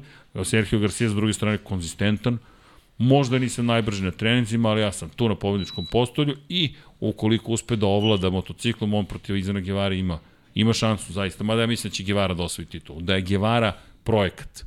Zaista mi djeluje kao da je projekat i da će sve biti podređeno tome da Gevara osvoji titul. Jer na njemu rade već dugi niz godina. I to, to je samo moj utisak. A što se tiče Fođe, žao mi je. Prosto mi je samo žao. Da, ja sam ono na početku tipovo da, da je ova sezona njegova priča, međutim, iz razno raznih razloga nije baš tako. Pa, u velikoj da. meri splet okolnosti, ali u velikoj meri njegove greške. Da, mnogo spletova okolnosti, stvarno. Imao je baš ružnih situacija. Ne, ne znam ko je Baksuzni on ili Masija. E, stvarno, Đaume, evo, da. Đaume ponovo nije završio. Ponovo neverovatno. I to, tamo kad je sve krenulo, da. onaj moment sa Jumom, sa Sakim, inače sa Saki, samo da pohvalim. Ali to ti je kao pre dve sezone priča sa McPhee. E, to je to. Znači magnet za, za probleme. Pa, evo, McPhee sada je imao incident u kojem je gledao da izbegne vozača i ponovo pao. Vrat, doći ćemo, do, doći ćemo i do Davida Munjoza i, i, i njegovih ha, problematičnih poteza klinac je, ali to ne može da bude opravdanje za onu liku količinu srljanja. Dakle, da, uzbudljivo je gledati ga, ali u jednom momentu moraš da čekati. sindrom. Onđu sindrom s početka karijere, bukvalno. Munjuz je na kraju izazvao incident, to ozbiljan incident i i poruka bila sledeći put, pa će biti bolje trka. Neko sa njim mora da sedne. Ja ne znam da li on dobio kaznu dugog kruga, to moram da istražim. Ne sećam se da je Munjuz kažnjen. Dakle, David Munjuz nije kažnjen, Fabio Quartararo jeste. Čisto da konceptualno postavimo stvari, ali Munjuz moram da proverim da li je kažnjen. U svakom slučaju, Munjuz je odvezao dosta dobrih deonica trke, ali nekoliko poteza je bilo van granica onoga što bi trebalo da radiš u tom trenutku u svetskom šampionatu. Na kraju to ozbiljno koštalo. Da, barem poštovanje rivala. Barem poštovanje rivala. To se nije desilo. Na kraju Jaume Masija bez, inače, plasmana. Što se tiče Denisa Fođe takođe bez plasmana iskoristio bih priliku da pohvalim Tatsuki Suzuki koji je ponovo bio vrlo konzistentan, četvrta pozicija, a Jumo no, Sasaki... Dobar start je bio generalno. Jeste, jeste. Ali, da. a Jumo Sasaki posebno zašto? A Jumo Sasaki je bio pregažen pre tri trke. Pregažen. Jaume Masija je prešao fizički preko Ayumu Sasakija. Dakle, mi smo se plašili u tom trenutku iskreno da li je živ. Ayumu je pao ispred njega kod Biondetti 1 i 2 Đaume je samo prešao preko njega, prvo su mislili da su polomljene obe ključne kosti, na kraju su ispostavili da nije jedna, druga je ozbiljnije povređena, a Jumu, neverovatno, 4-3 trke kasnije zapravo, je pobednik Moto3 trke. Tako da Crazy Boy zaslužuješ veće pohvale iz te perspektive, zaista. A Jaume, ja i dalje mislim da ima traumu od tog incidenta. Jer od tog momenta potvrđeno je da je imao traumu, dakle potvrđeno je bilo, ajde potvrđeno, nezvanično, pričali smo jel te, sa ljudima oko ekipe i tako dalje, rekli su da, uticalo je na njega to što se desilo, ali sada kada je trebalo da se oporavi odjednom ponovo problemi za Đaume Masiju. Meni iskreno žao mi je zato što bih volio da vidimo veće uzbuđenje iz te perspektive. Više vozača koji mogu da se bore kao što se oni borili na kraju do same, do same linije cilja za, za plasmane, a bilo je fenomenalna trka iz te perspektive. Zaista, zaista nešto što su prave moto trojke. Ne znaš ko će da pobedi i ko ima koju strategiju. Tu bi se dotakao samo Denisa Fođe koji je potvrdio da on nema strategiju. On je bukvalno eksplicitno rekao, Jelena ga pitala, naša koleginica Jelena Trajković, kaže, koja ti je strategija za trku? Nema mi. I sad svi se gledamo u to trenutku kada on govori i tu je Miodrag Kotor i mi pitamo, stvarno nema? Kaže, ne, nema. I sad jedna ga pita ponovno, nemaš strategiju za trku? Ne. Ja, najbrže što mogu i, i, i vidi, to se ponekad vidi, ne možeš da nemaš strategiju za trku. Sad već moraš, pri čemu poznajući Miodraga Kotura, koji radi puno na tome da imaju strategiju za trku, deluje mi kao da nije baš poslušao te savjete. To nikad ni Miodrag Kotur neće reći, ovo je samo moje tumačenje situacije. Tatsuki mi deluje kao da ima strategiju i hoću posebno da, da, da pohvalim celu ekipu Leopard Racinga i gospodina Kotura zašto. Ljudi, da li ste čuli za Leo 001? Leo niko od nas nije čuo, ja sam to čuo ovoga vikenda. Leo 001, na spisku homologizovanih delova piše Leo 001. Šta je Leo 001? Ekipa Leopard Racinga u želji da pobeđuje je kada je KTM izbacio onaj pokrov, poklopac uh, zadnjeg točka da poveća aerodinamičku efikasnost i maksimalnu brzinu, otišla kod Honda i rekla ćete praviti ovaj deo. Honda je rekla ne, nije u planu. Leopard Racing je sa svojim inženjerima otišao i sebi napravio novi zadnji točak. Gde nastaje problem? Oni su došli sa novim zadnjim točkom, KTM ih je odmah prijavio jer to nije homologizovan deo. Ne možeš da ga koristiš. Da bi bio homologizovan, svi korisnici Hondinih motocikala moraju da imaju taj zadnji točak. Honda pitaju, hoćete praviti? Ne. Leopard je otišao i napravio zadnji točak i rezervne točkove za sve korisnike Honda kako bi, kako bi mogao da ima zadnji točak koji može da se bori protiv KTM-a. Ja sad gledam čoveka, pričamo šta je gospodine Kotor Leo 001, jer mi Leo, Leo, nema mnogo Leo, Leo u Jelte, razmišljam, Leo, i on kaže, to smo mi.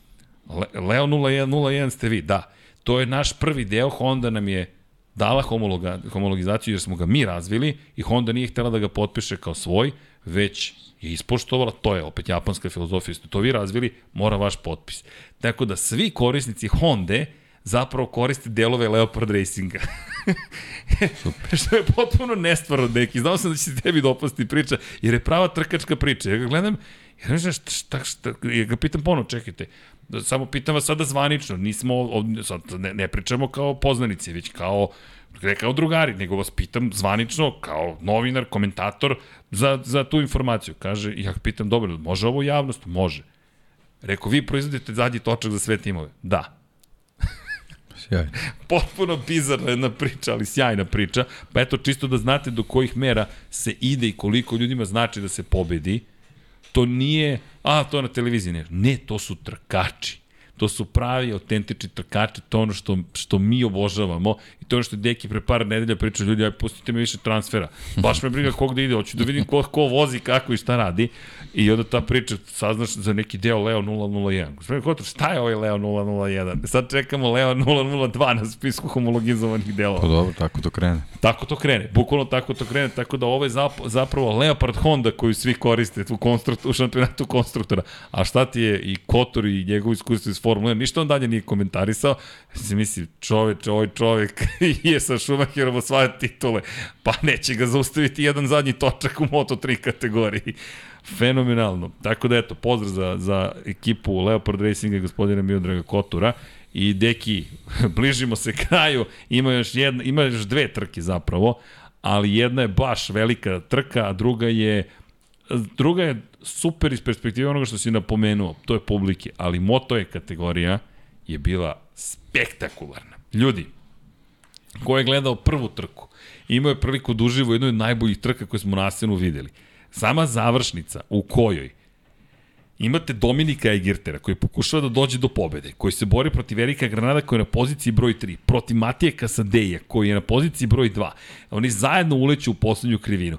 Napada fenomenalni Dominik Egerter za prvu poziciju, uspeva dosta oštro da napadne, Matija Kasadej odlazi tamo sa spoljne strane, to jest odlazi sa spoljne strane zapravo odlazi Dominik Egerter. Matija Kasadej je u sredini, a Erik Granado uspeva bez doticanja zelene površine da se provuče sa unutrašnje strane u poslednjoj krivini i završe zajedno do 82.000 tinke jedan iza drugoga potpuni spektakl, pre čemu osam krugova baterije i sve veći kapacitet. Ima, inače sam pustio fotografiju na Instagramu, motocikl baterija. Jer kada uzmete RAM, onaj RAM ima, ja mislim, ne znam, 45 kg, ako i toliko, i on imate jednu veliku ako bateriju koja samo treba se rashladi otprilike i to je to ali bilo fenomenalno gledati ih kako se trkaju i publika je bila oduševljena onim što je videla. Jedino što je DJ malo pravio probleme, to je Junkie lepo primetio, preglasno je pustio muziku. Znam da zvuči kao da se podsmevam, ne podsmevam se, ali nismo mogli da čujemo motore jer su pustili toliko glasnu muziku na razglasu da se nisu čuli motori.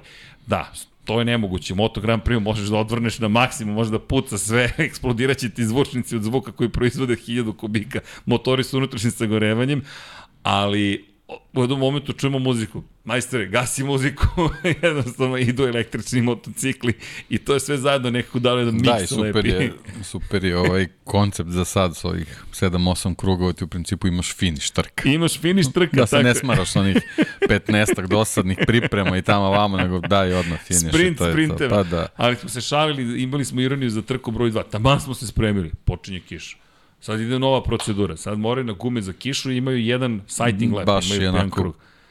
Konfuzno je sve. Konfuzno je bilo. Da. kao, ok, Ali, jedan krug. Dobro, to, to pokazuje taj šampionat i dalje u povoju i generalno niko s tim pravilima još nije ni načisto, niti ih pretrano zanimaju. Pa, vidi, moram nešto ti da. priznam. Mnogo je manje interesovanje da, da. posle treće godine nego što je bilo na početku. Da, jest.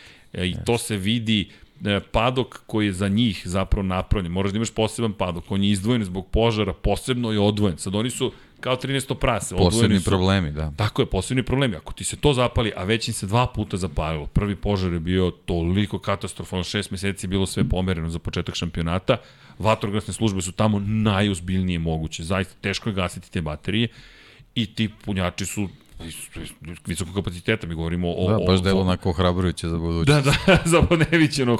Inače, u Holandiji ozbiljni problemi postoje.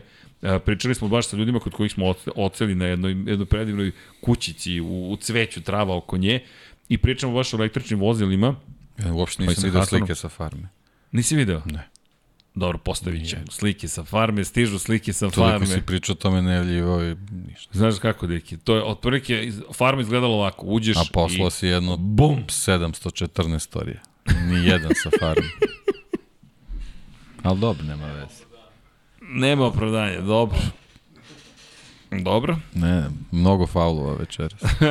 to, to bit ćeš mnogo dugih krugova. Ima da trčimo ko stolan za početak. Pre nego što počne sledeći podcast, to, imam krugove. Oko kvarta, pa dobro, treba da preživim. pa umesto futbol. To ti je to. E, nismo igrali futbol juče. Da, to, a ja sam bio spreman. No pain, no, no gain. pain, no pain, ali nisam ja otkazao, drugi su otkazali, ali dobro.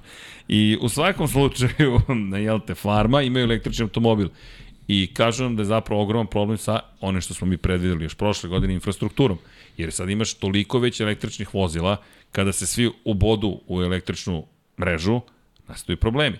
Još jedna stvar, sada imamo situaciju u kojoj zapravo ljudi koji su investirali u sobstvene vetrenjače da bi generisali struju i prodavali je dalje, trenutno neće da im kupuju tu struju. Dakle, sad cijelo elektrosistem se Znaš menja. Znaš kako je ra, ovaj, Zoran Radmilović u više svojih remek dela rekao? Ajde. Stvarno, neverovatno da su se sad ovaj, setili toga. Dobro. Pa, Ali dobro, mladi su Nučići. Deki, ti znaš... Mlade civilizacije. Slušajte ovog čoveka. Ne, slušajte mene ovog, slušajte ovog. Evo, moj prst vidi kako viri, vidi kako viri. A, ti, Dobro, jedan duži krug manji. Ajde.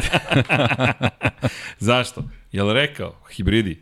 Prosto, hibridi su to rešenje do daljnjeg. Jednostavno, nemate elektromrežu koja može da izdrži da svi voze električna, električna vozila. Pustite tu priču, čim spomenete ekologiju, a ti si protiv ekologije, ako si protiv električnih automobila. Nismo mi protiv električnih automobila.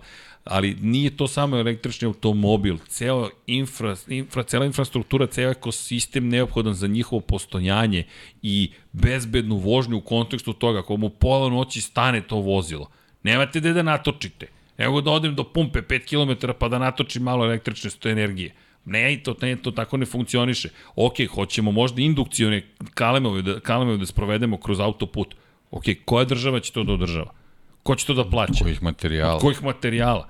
Kako, koliko će to da se greje? Koje zagrevanje onda dovodimo do toga da ti zapravo sad imaš sve puteve po planeti Zemlji koji dižu temperaturu i onako planete koja se sve više zagreva iz kojeg god razloga da se zagreva. Da li su fosilna goriva problem ili nešto drugo, ona se da li zagreva. ti znaš koliko uh, automobilski saobraćaj, u stvari saobraćaj vozila, transport, Ne znam. automobili, koliko učestvuju u zagađenju planete? Iskreno ne znam.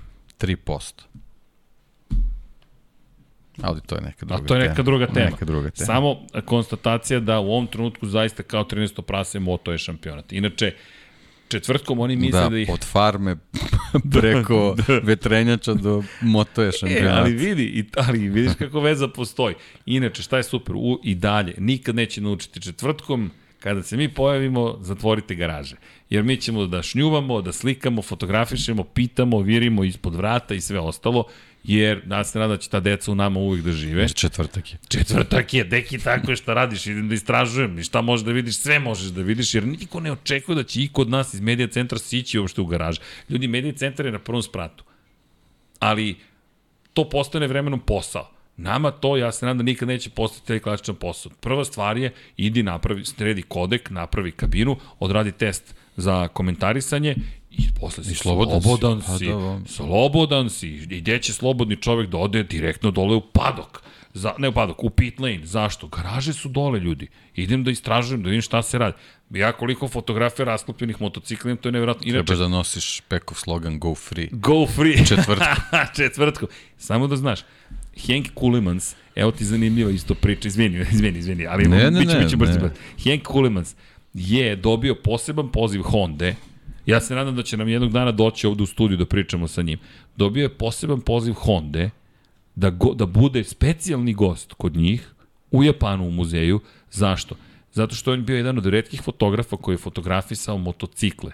Dakle, ne vozači i motocikle u akciji na stazi, već je išao i fotografisao garaže. Rasklopljene motocikle, delovi motocikala. Honda je ostala bez svojih inženjerskih planova za neke od tih modela i nije mogla da ih rekreira. Na kraju njegova arhiva poslužila da naprave 3D modele na osnovu fotografija i spasu motore od toga da budu izgubljeni zauvek. I u znak zahvalnosti su ga je pozvala i rekla dođi u muzej da vidiš te modele. Ti znaš šta to znači kada te Honda pozove, organizuje sve i kaže ti si specijalni Pa da, počasni i videli gost. smo na Rosijevom oproštu i šta im znači ti motocikli. Šta im znači? Ljudi, verujte, mnogo im znači. Ne diraj. Ne diraj, bukvalno ne diraj. Ali, za razliku od Aprilije koja je donela kopije, oni su doneli autentične Rosijeve motocikle. To je ono što je fenomenalno. Ti dalje vidiš licencu koja je zalepljena na vetrobransku staklu. Kod Japanaca je to svetinja. To je stajalo tog dana kada je Rossi vozio poslednju trku za Hondu.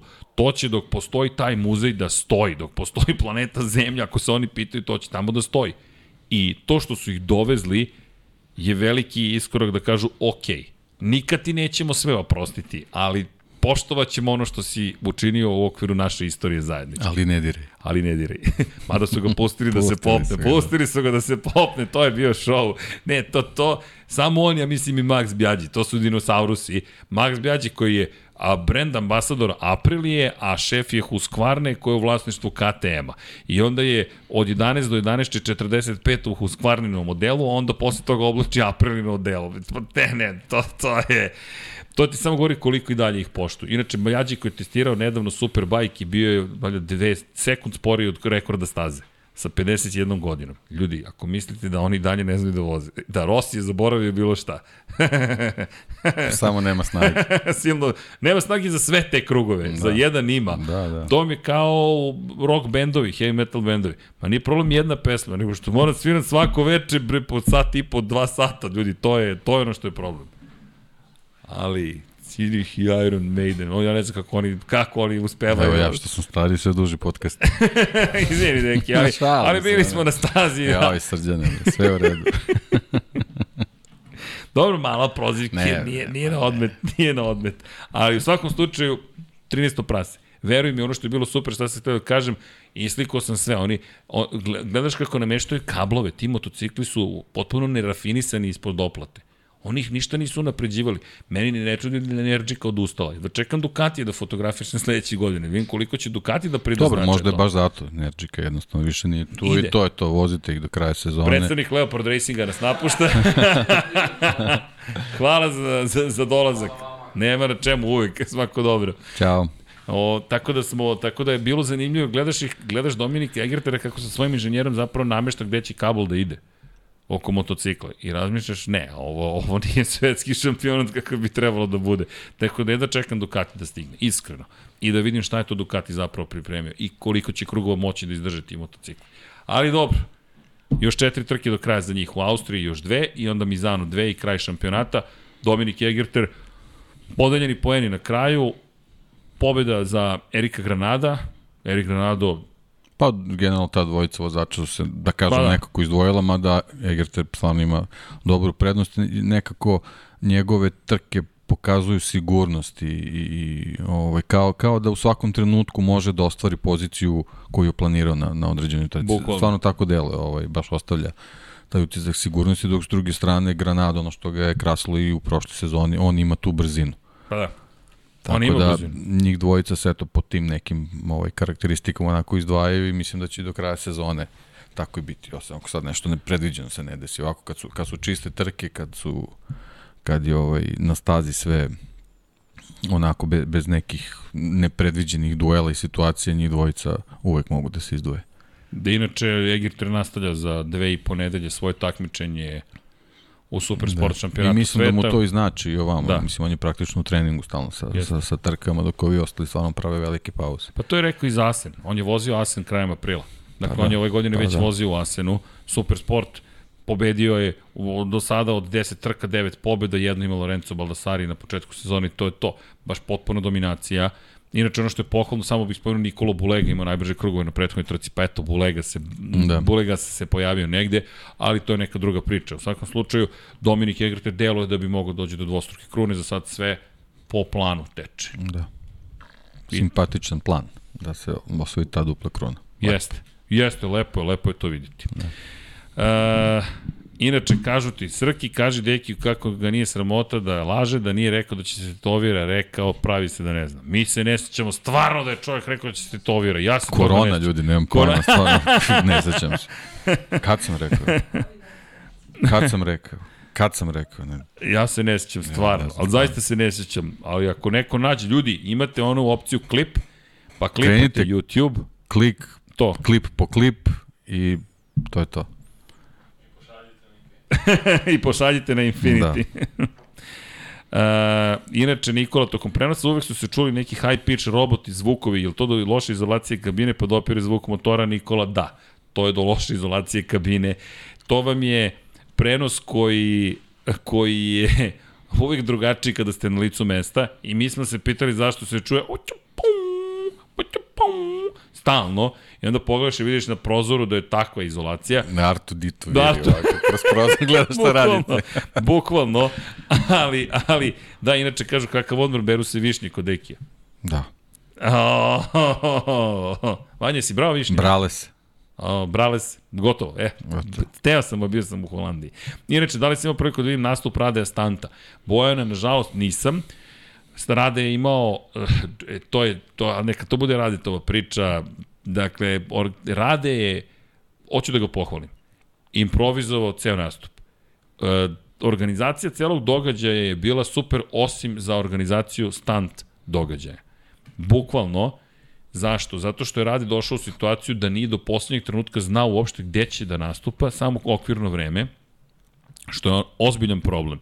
Zašto? Zato što dođete u situaciju da vi treba pripremite stunt, da pripremite svoje trikove i da znate gde nastupate, da biste znali koje trikove možete da izvedete i da pripremite neki, uslovno rečeno, program, svog, svoj program. Rade baš profesionalno po tom pitanju. Inače, zvali su ga organizatori trke u Holandiji, nije ga zvao njegov sponsor, nije ga zvao neko na ličnom nivou, nego su oni toliko bili oduševljeni onim što je uradio pre tri godine, da su ga zvali da to ponovi.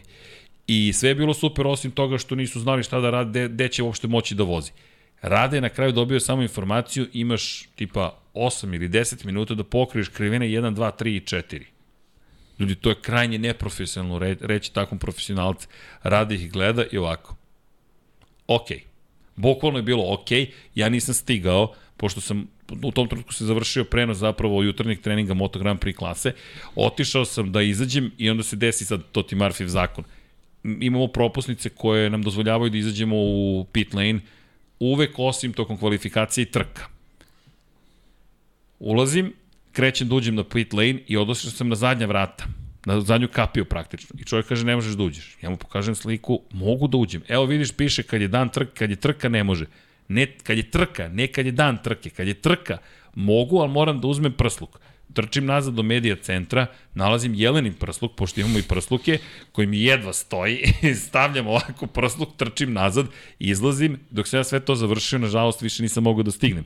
Jer, izlazak iz pit lane-a i odlazak do četvrte krivine stazom vam je nekih 750-800 metara. I u najboljoj formi mi treba oko 5 minuta. A pošto preskačeš futbolske termine, to je to. Tako pa, je. Da. I onda nisam mogao da stignem, ali kao je, ko je, ko je stigao? Hasan Bratić. I doktor Hasan Bratić, hvala Hasane, Hasan, ja moram da, da, da kažem, potpuno legenda, jer Rade je došao i sad sticam okolnosti ne postoji zvanični fotograf, nije ga zvao sponsor, nije ga zvao, organizator nema svog fotografa. Pita Rade, znate nekog fotografa? Rekao, samo dvojicu najboljih na svetu. Jedan je i nagrađen za najbolji rad na svetu, a drugi je čuveni Mr. Crash. I rekao, ovaj prvi Andrej Saković ti u Beogradu, ovaj drugi, ali to nije redosled po kojim idu, oni su carevi prijatelji, Hasan ti je ovde. Ja možemo da, da zamolimo Hasana da ga angažujemo. Ja zovem Hasana, kažem, Hasane, možeš da, da, da, hoće da te angažuje, kaže Srđane. To je naš čovjek. I Hasan koji je otišao 140 fotografije poslao rade tu. Hoću da mi ispričam ljudsku priču, zato što je Hasan legenda, bukvalno. Inače, običaj, ako dobijete tri fotografije, morate da platite ozbiljna prava za njih.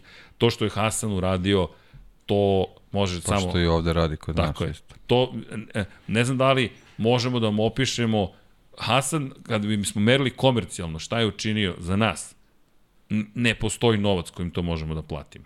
Zašto je Honda Henka Kulemansa zvala počasno u Japan? To ne možete da platite novcem. Bukvalno, mi nemamo tu, ne, ne možemo ni da zamislimo tu količinu novca koja je neophodna da biste mogli da pristupite takvoj arhivi fotografija, ali ono što je Hasan rekao, pa nećemo sada da pričamo o novcu. To je naš čovek, daj da, daj da pomognem šta mogu da pomognem. I Rade koji mi gleda, kaže čovjek mi je poslao 140 fotografija. Šta sad rekao? Ništa. Zovi reci hvala. Tako Ti da, smisli. ti smisli šta ćemo sada u biblioteku. Tako da eto, ali hoću da kažem da je da je da je prosto lepo videti ljude koji se međusobno uzemno podržavaju, a mega su profesionalci. Uh, Srki, kaže Aki Vujke, da li je još uvijek prisutan optimizam po pitanju Merkeza, kao što je bio pre početka sezone? Pa znate šta, ne znam da li je optimizam ili je, ili je prosto moja želja da neko ljudsko biće se oporavi. Ne znam koji je pravi termin. dobro, oporavit će se on. To, to, to. Nije to sad da ne, da da ne dramatizujemo toliko vezano za, za neki normalan život. Ne, za normalan život, on će to, da. Nego, verujem da ovo pitanje... Pa da, ali takmičenje na vrhunskom nivou je nešto drugo. Ne Ti da bi se takmičio na vrhunskom nivou moraš da se pripremiš, a da bi se pripremio mora da budeš maksimalno sposoban da možeš se pripremiš, a to u ovom trenutku sa, sa onom ovaj, rukom, pozicijom rukem da. i onom imobilizacijom ne možemo u ovom trenutku da znamo nikako. U svakom slučaju ja... To je važilo za svaku od prethodnih povreda. Ode baterija, sad ćemo nam mobilni da pređemo. Šta sam zaboravio da uradim? Fantazi. Ma koga Evo sad ću da dobijem bateriju. Ma nemojte fantasy, kako? Evo stići će baterija, ali do tada imamo, evo, imamo, imamo chat na, evo, evo, deki, ubrzavam se, To lažem već 25. put večeras. Pa dobro, ubrzavaš. Ubrzavaš se, sad to je, da, Da, sad da to je dosta relativno. Tvoj warp je relativan pojam. Vala jeste relativan pojam, činjenica. Činjenica, ali imam jednu briljantnu ideju. U kom, ovaj, dobro, sad nije, to nije warp, ali ovaj, ono kad se hiljagodišnji soko pokvario, pa, pa nikako da... Aha, Šta je, koji to deo bio? To ti je Imperija uzvrće udarac. Je li u Imperiji bilo Tako to? je, da, tako da, je, da, tako da. je, tako je. U Imperiji, kada... Hiljadugodišnji sokole, Kada RCŽ. kažu, rekli su mi, rekli su mi da su popravili E, to, Hyperdrive. to je, da, bravo, da, da. To je da. Lando Carlizian kada Da, ne, kaže... ve, već mi se izmešalo, sad Rekli su, ne znam. da. znate, znate kako je rešenje? Daj Aleša Espargara dok stiže baterija, da ne vidite iza kulisa šta se dešava. Zašto? Pa, to je savršen kadar uvek. Dakle, ovo je kadar. Aleš Espargara u. Asenu. to je taj kadar. Dakle, opa, kablovi, kablovi, kablovi i samo kablovi. Čekaj da se zahvalim ekipi iza kulisa. Hvala vam najlepše. I tako Hollywood funkcioniše. Ne ispred kamera, ne ispred... Danas neću ništa oboriti. Ajmo srđene, sali se tako. E, ajmo sada da napunimo batericu, onda mogu da pročitam fantazi i da još neko pitanje vidim, pošto ne mogu pitanje sada da uspem da vidim kako sam hteo na mobilnom. Može, Vanja, udri. Ovo je drugi put uzastopno da ti se baterija prazni. A, je problem da. u bateriji ili... Da? Dugi COVID. Mm, Dugi COVID. To će biti moje prodanje. Inače, pozdrav za još jednog dragog čoveka koji ovde sedi sa nama i druži se u full opremi. E, danas je bio mnogo lep moment. Prelazim ulicu i čovjek mi kaže, sluša se podcast i vidiš Lab 76 na, na, na, na, na, na podcast, ne znam tačno kom playeru. Rekao, jel dobro? Kaže, u redu je. A, rekao, Može da prođe. Može da prođe. E, čekajte, vraćam se u akciju. Dakle, pitanja. E, pitanje da li je teže doći do intervjua sada kada se okreće ekskluzivnosti Moto Grand Prix? Nije. Nama nije teže. Na, srećem da još. Da, još uvek. Čak nam je lakše da dođemo do intervjua. To je ironija. Čak si nude. da, pa čak ima i toga. Da. Dakle, nama je lakše. Gde je problem i zašto smo mi konkretno ljuti, to je mi ne možemo vama da otvorimo vrata. I ovo nije neka jeftina priča. Nama to autentično smeta. Ja prezirem lažni elitizam. Došli smo u situaciju da mi, inače timovima je zabranjeno da zovu goste četvrtkom. Dakle, sponzori koji daju pare da timovi postoje ne mogu da uđu ako niste ih najavili 9 dana ranije imenom i prezimenom da će doći. A čak i tada ne mogu da uđu četvrtkom, samo petkom o, suludo. Tako da je problem veći za publiku, stojim pri mailu koji sam poslao Dorni i pono, poslaću ga ponovo, gde tražim propusnice bez imena i prezimena da možemo turneje da pravimo po padoku na ličnu odgovornost cele ekipe koja ide, koja za ruku će da vodi dvoje po dvoje ljudi kroz padok. Zašto? Zato što mi duboko verujemo da smo mi medijum ili ti posrednik između sporta i onih ljudi koji uživaju u tom sportu kao gledalci. Mi smo profesionalci koji imaju sreću da rade u tom sistemu i mi imamo radost toga da, da, da je to nama sve više svakodnevnica. Ali nije pojenta u tome da vam ja kažem, e, gde sam ja bio i to vi tamo nećete biti. Ne, pojenta je da vam kažem, hajte sa mnom. Bukvalno, hajte sa mnom. Ne samo sa mnom, sa Džankijem, s Jelenom, s Dekijem, sa, ne znam, Pajom, sa snimateljima. Zašto? Zato što je to ono što treba da bude naš zadatak. Da približimo taj sport vama. I to je nešto najlepše što smo mi mogli da uradimo. Ja sam, ja sam lično profesionalno ljut i dan danas. I nastavit ću da lobiram da to dobijemo. Da li ću ja u tome uspeti sam? Ne, nisam baš siguran. Ali, timovi, drugi mediji, mi svi zajedno, do, možemo da dođemo do toga da neko kaže čekaj, možda grešimo u ovom pristupu. Možda baš ovo i ne treba. Ljudi, bukvalno je potpuno prazno, sve. Nema nigde žive duše u padoku. Čak su timovi prestali da zovu goste. Što bih ja sutra bio sponsor toj ekipi? Šta, samo zbog toga što će biti moj brand na, na oplati? Pa nije. Hoću da dođem da doživim tu atmosferu. Hoću da vidim vozača izbliza. Hoću da mogu kao Lučiće Kinelo Racing da sedim na posebnim sedištima u, u garaži i uživam u događaju. Tako da je za vas veći problem nego za nas. To je ono što nama smeta. E, inače, e, kaže Ognjen sve pamti, Srki rekao Deki da će Lance Stroll osvojiti pol poziciju uh, u Lab 76 broj 19. Ja sam pamtim sve samo da nađem taj klip kad je rekao. Pa zar nije Lance Stroll osvojio pol poziciju u Turskoj? Mm, Lep.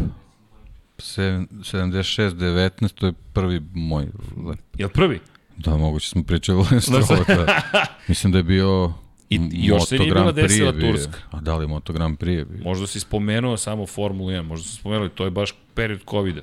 Da. A, da li mislite da će se Marquez boriti za titul nekom drugom proizvođaču Đole 1, 2, 3? Za sada ne.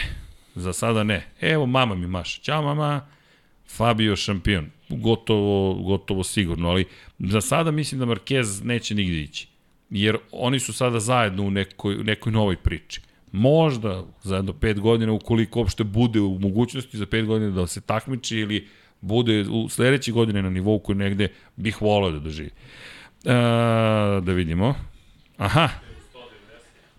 Kako? Ko je 191?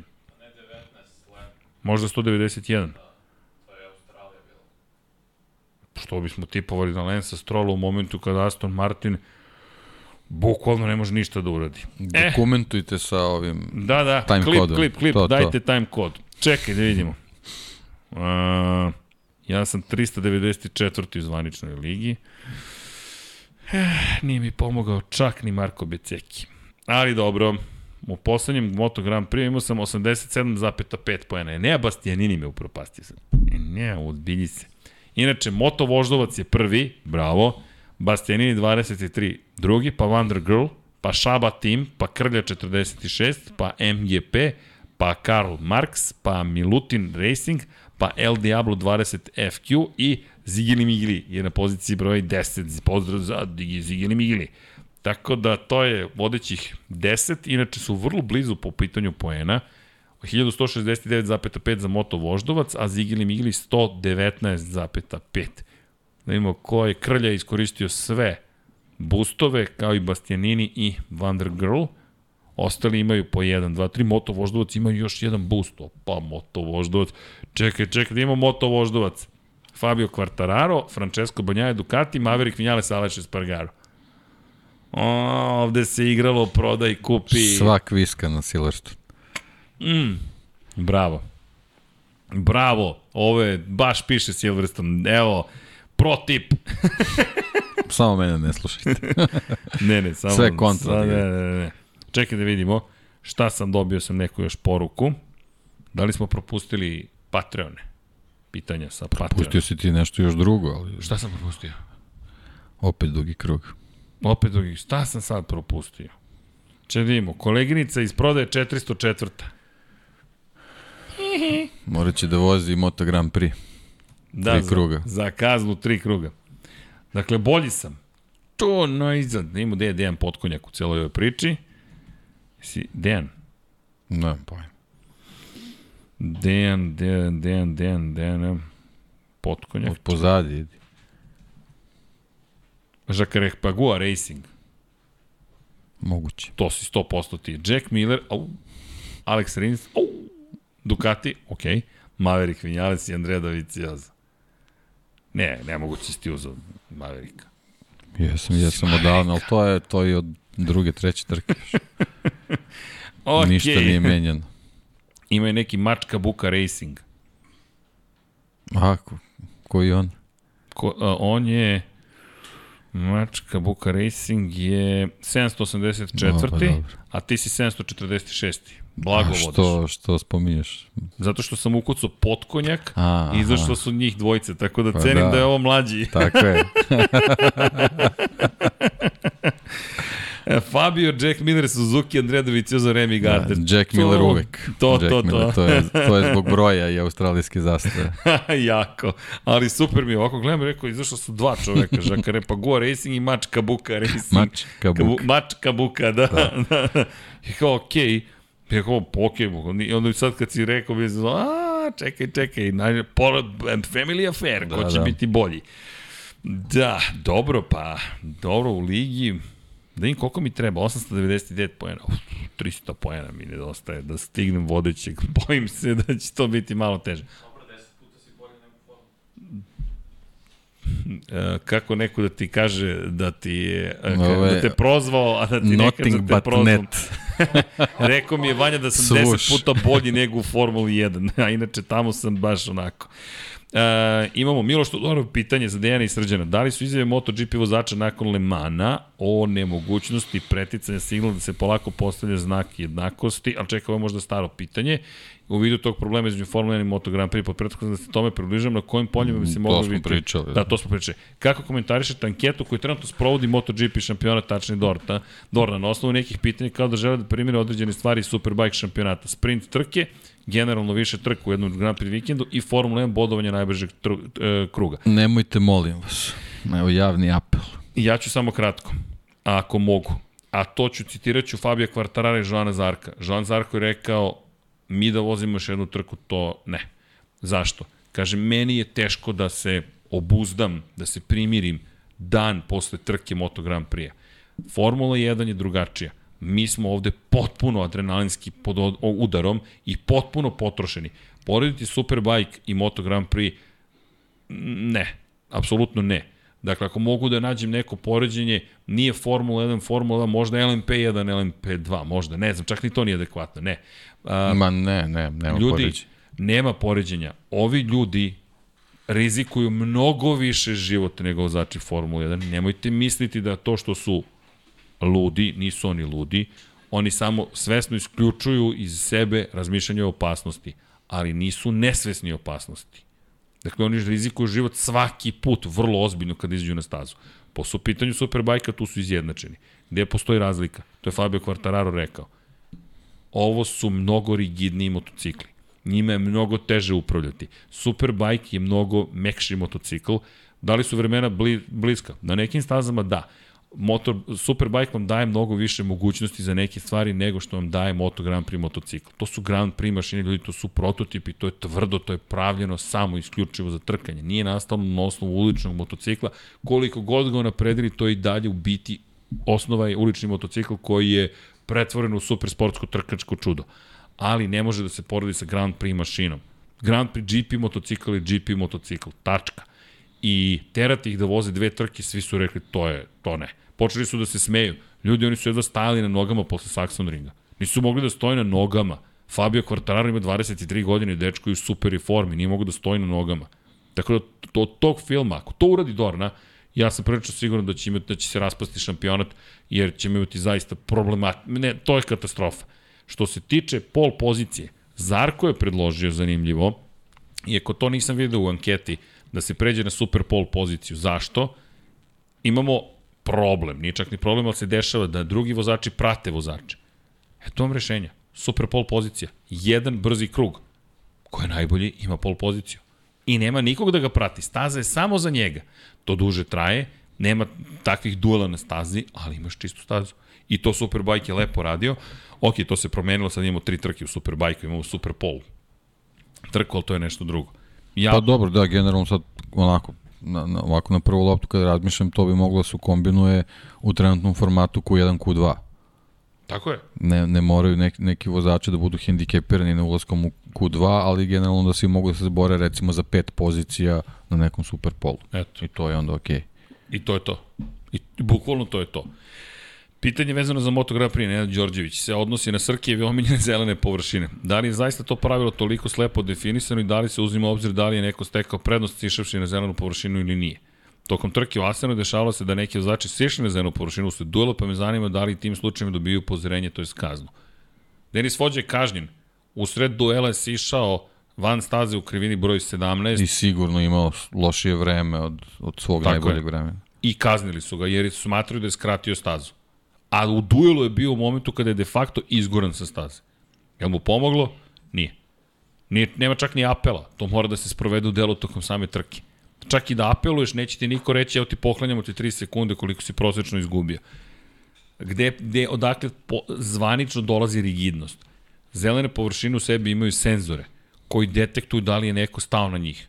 Imali smo probleme sa senzorima, pa su morali da rade vizualnu kontrolu u Kataru, na primjer, i prethodnih godina to posebno, poseban bio problem, ali nije toliko čest bio.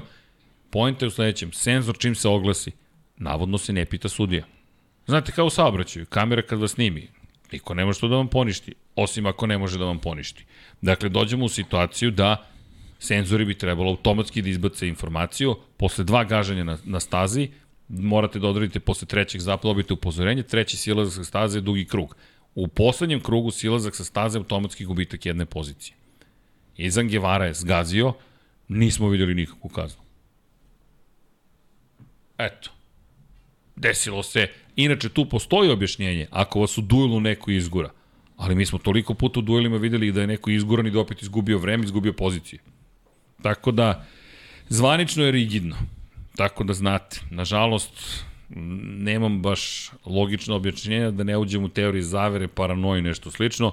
Do, to ne bih da radim, hoću da skupim informacije pa da vidimo šta kažu i šta Trimbi ima da kaže na to pitanje da li zaista je dovoljan wild card da se odveze ove godine i da maloletni vozači mogu da nastupe sledeće sezone. Pošto to je u suštini onda, da, rekao si im kako da ponište pravilo.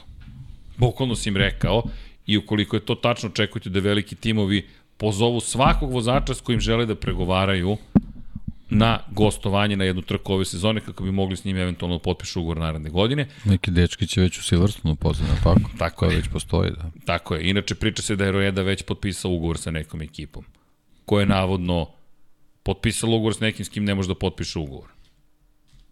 To jest, možete da potpišete ugovor, ali pitanje je da li će njemu biti dozvoljeno da vozi.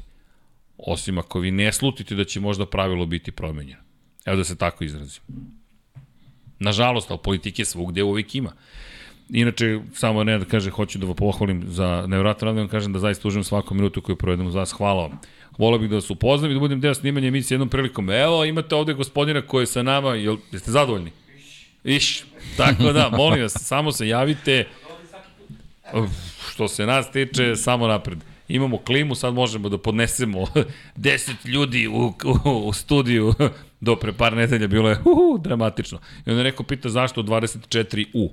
Zato, da bi mogao da rasladi ovaj prostor. Evo, deki, ja sam u Bermudama večeras. Se žrtvovao za, za tim. Da svi se smrznemo.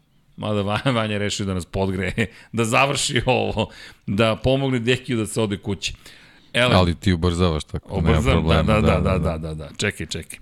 A, Srki, komentar na Goodwood što je vozio Wayne Rainey. Ej, To je taj dugi krug. Tako je, to, ne, oni dugi krug, ovo je suspenzija. Dakle, ovo je suspenzija. Ja, Vanja, čekaj. Instagram, Goodwood, šta misliš, da li su stavili? Ba ja mislim da jesu. Goodwood, Festival of Speed, da vidimo šta kaže. Foss Goodwood, komentar. Evo ovako, za oni koji ne znaju šta se desilo, Wayne Rainey, trostruki šampion sveta, čovek koji je Evo da vidimo, ja mislim da je to, evo ga, u, Vanja, ovo je potpuno nestvarno. Foss Goodwood, evo poslao sam ti link direktno. Zaista je previše uzbudljivo bilo. Wayne Rainey je čovjek koji je osvojio tri titule, inače bio je vozač Yamahe, jedan od najpreciznijih vozača svih vremena, još na motorima koji nisu imali kontrolu proklizavanja, dvotaknim motorima od 500 kubika. To su neki od najlepših motocikala i za nas malo starije, miris pogotovo, šta kaže, čekaj šta je Luka rekao, RS Castrol, i kaže kad to zamiriše onda znaš da si na pravom mestu u pravo vreme, pozdrav još jednom za ekipu, Wayne Rainey, evo brate pažnju, gospodin koji će krenuti u sredini na onoj Yamahi koja se upravo pokreće je nepokretan od grudnog koša naniže. Ponovit ću još jednom nepokretan od grudnog koša naniže i vidite ga u kadru sa brojem 1 kako podiže motocikl. Inače rekao je da je gornjim delom tela, rukama i grudnim košom stekao utisak o tome šta radi motocikl i na taj način je upravljao. Iza njega su Mick Duan, Kevin Schwanz. Dani Pedrosa bi trebalo da je negde u celoj ovoj gužvi nadam se da ćemo ga vidjeti Danika koji je kao mali dečkić zapravo koji pravi društvo velikanima ili je to bilo drugog dana. Ovo sve što se dimi to je klasičan dvotaktol za one koje eventualno ne znaju i ovo je jedan neverovatan trenutak da je Wayne Rainey ponovo na motociklu s kojim je 1992. osvojio treću i poslednju titulu šampiona sveta, 1993. pao u Mizanu, preleteo preko ivičnjaka koji nisu bili pravljeni za motocikliste, nažalost prekid kičmenog stuba, to je moždine kičmene doveo do toga da bude nepokretan od grudnog koša naniže. Uspešno je bio šef ekipe posle toga. Ali je potpuno legenda i čovek koji, inače ovo nije dan kada je bio Dani Pedrosa, ali Dani se Pedrosa takođe pojavio. Da, mislim da je ovde... Mislim da je McWilliams. Da i o, Kenny Roberts je, mislim, na KR-u, ova 99-ka. Uh, Kenny, da, Kenny je sigurno, kralj Kenny je tu Da. da. 100%. Inače, kralj Kenny je malo, Mislim da je na KR-u. trebalo bi. O, Peti, ovaj poslednji što dolazi. Duvan je trojka, evo ga Kenny, 99. Ne, Kenny bi trebalo bude desetka stariji. Ne, ne, možda, ne, ono- ja mislim da je ono Kenny. ja mislim da je ono Jeremy McWilliams. Jer on vozio za njih. Dobro, onda možda nije, to A- nije taj dan. Možda je Kenny u Yamahinom kombinezonu, Yamahin da, da, moguće, da, Ken- da, onda to nije isti dan, da. Nije isti dan, Dru, Da. dva dana su vozili, Da, da. ali ovaj čovek je nepokretan od grudnog koša naniže i on vozi motocikl koji nije zver, ovo je nemoguće voziti. Dakle, ko nije video ili probao 500 dvotaktu na dva točka, potpuno jedan neverovatan trenutak, ali ovo je najlepše. Ajmo malo, prednji točak napred. Inače, zaista su imali strah evo, iz perspektive toga da li će uspeti da ostane na točkovima, jer je ovo vrlo teško za, za ljude koji nemaju kontrolu punim telom, osim ako niste Wayne Rainey i živite motociklizam. Ovo su ljudi koji su Da, Harley. lepe, lepe su njegovi, da. mislim, lepa izjava bila, ovaj, onako iskrena i kratko, nekoliko rečenica, jedna od rečenica bila, ponovo sam posle dužeg vremena bio slobodan. Tako da, to je onako da. baš lepo. Jeste, i, i to je to je suština cele priče. Zapravo sloboda, uvek pričamo o slobodi i ovo je jedan predivan moment, kao što smo rekli juče, Deki inače imao zadovoljstvo i pa čast na neki način da bude na, na festivalu brzine. To, to moraš da nam ispričaš jednom, ali Da. da. mo, moramo i da odemo, ja mislim, zajedno. Inače, pa ne, stvarno je i, i u prošlosti se etablirao kao stvarno mesto koje treba svaki onako petrolhead da poseti, a mislim da će tek u budućnosti biti još bolje priča. Pazi, i Wayne Rainey, i motociklisti, i Porsche prezentuju svoj hiperautomobil. Jednostavno mesto koje ja mislim da moramo da, da, zaokružimo da. naredne godine i kažemo stižemo. Inače, Lin Jarvis, veliki šef Yamahe, nije bio prisutan u Asenu prvog dana takmičenja da bi prisustvovao u ovom trenutku kada Wayne Rainey seda ponovo na Yamahu. Da se samo razumemo ko ima prioritet čak i u odnosu na Fabija Quartarara i borbu za titulu šampiona sveta. Wayne Rainey kada se pojavi na stazi, to je to. Mick Duan kada se pojavi na, na motociklu na stazi, to je to. Kevin Schwantz, Kenny Roberts. Ljudi, Kenny Roberts dan danas može slobodno sa svojim kaubojskim šeširom da ušete u padok. Verujte, niko živi neće mu pasti na pamet da zaustavi kralja Kenija. Prvo, on je toliko pristojan čovjek da on neće ni da radi ništa problematično, ali verujte, ni jedan Novajlija u Dorni ili timovima ili bilo gde, niko ko je na nivou hoću da se pravim pametan jer mislim da imam propusnicu koja je skuplje boje od tvoje, neće to uraditi s Kenijim Robertsom. Japanski, italijanski, francuski proizvođači, nemački kralj, King, King Kenny kada se pojavi, verujte, sve staje. Njega Japanci toliko uvažavaju da može da uđe u Suzuki, Yamahu, Kawasaki, Hondu, s istim ponosom će ga prihvatiti svi, iako je vozio samo isključivo za Yamahu, ali je sarađivao sa Hondom i to je jedini čovek kojem je Honda dala svoje motore da stavi u neki drugi ša, u neku drugu šasiju koja nije Honda. U istoriji Moto Grand Prix-a. Tako da, kada se kralj Kenny pojavi, sve staje. Inače, ima čuvena priča za kralja Kenny. Čovjek inače potpuna legenda koja ništa ne uvija i vrlo jednostavan čovjek koji je fuzon, ajmo na hamburgere. I Dorna organizovala svečanu večeru da nije bilo hamburgera. Jedan čovjek došao i rekao, stvarno, doveli ste me na degustaciju vina. Kao, ok, ispoštovat ću sve, ali ajmo ljudi na hamburgere. Kralj Kenny je zaista kralj života, životnosti zapravo. Ali, da, bi, da bih ja preživeo, mislim da je vreme da se polako odjavljujemo. 23.59. Evo vidiš, pogodio sam ponovo ponoć.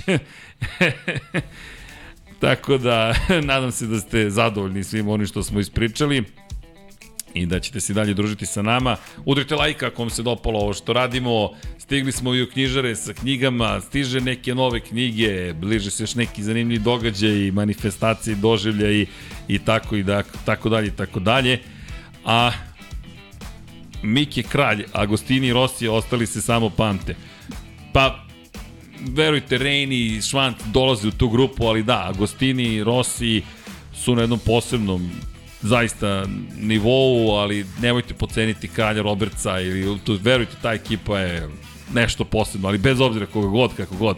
Inače, Boža, pozdrav ekipi Crki, da li će biti vaš stan sa majicama i knjigama Red Bull događaj u septembru, imali kakvih novih informacija, lep pozdrav iz Hrvatske, vidimo se u septembru. Božo, vidimo se u septembru.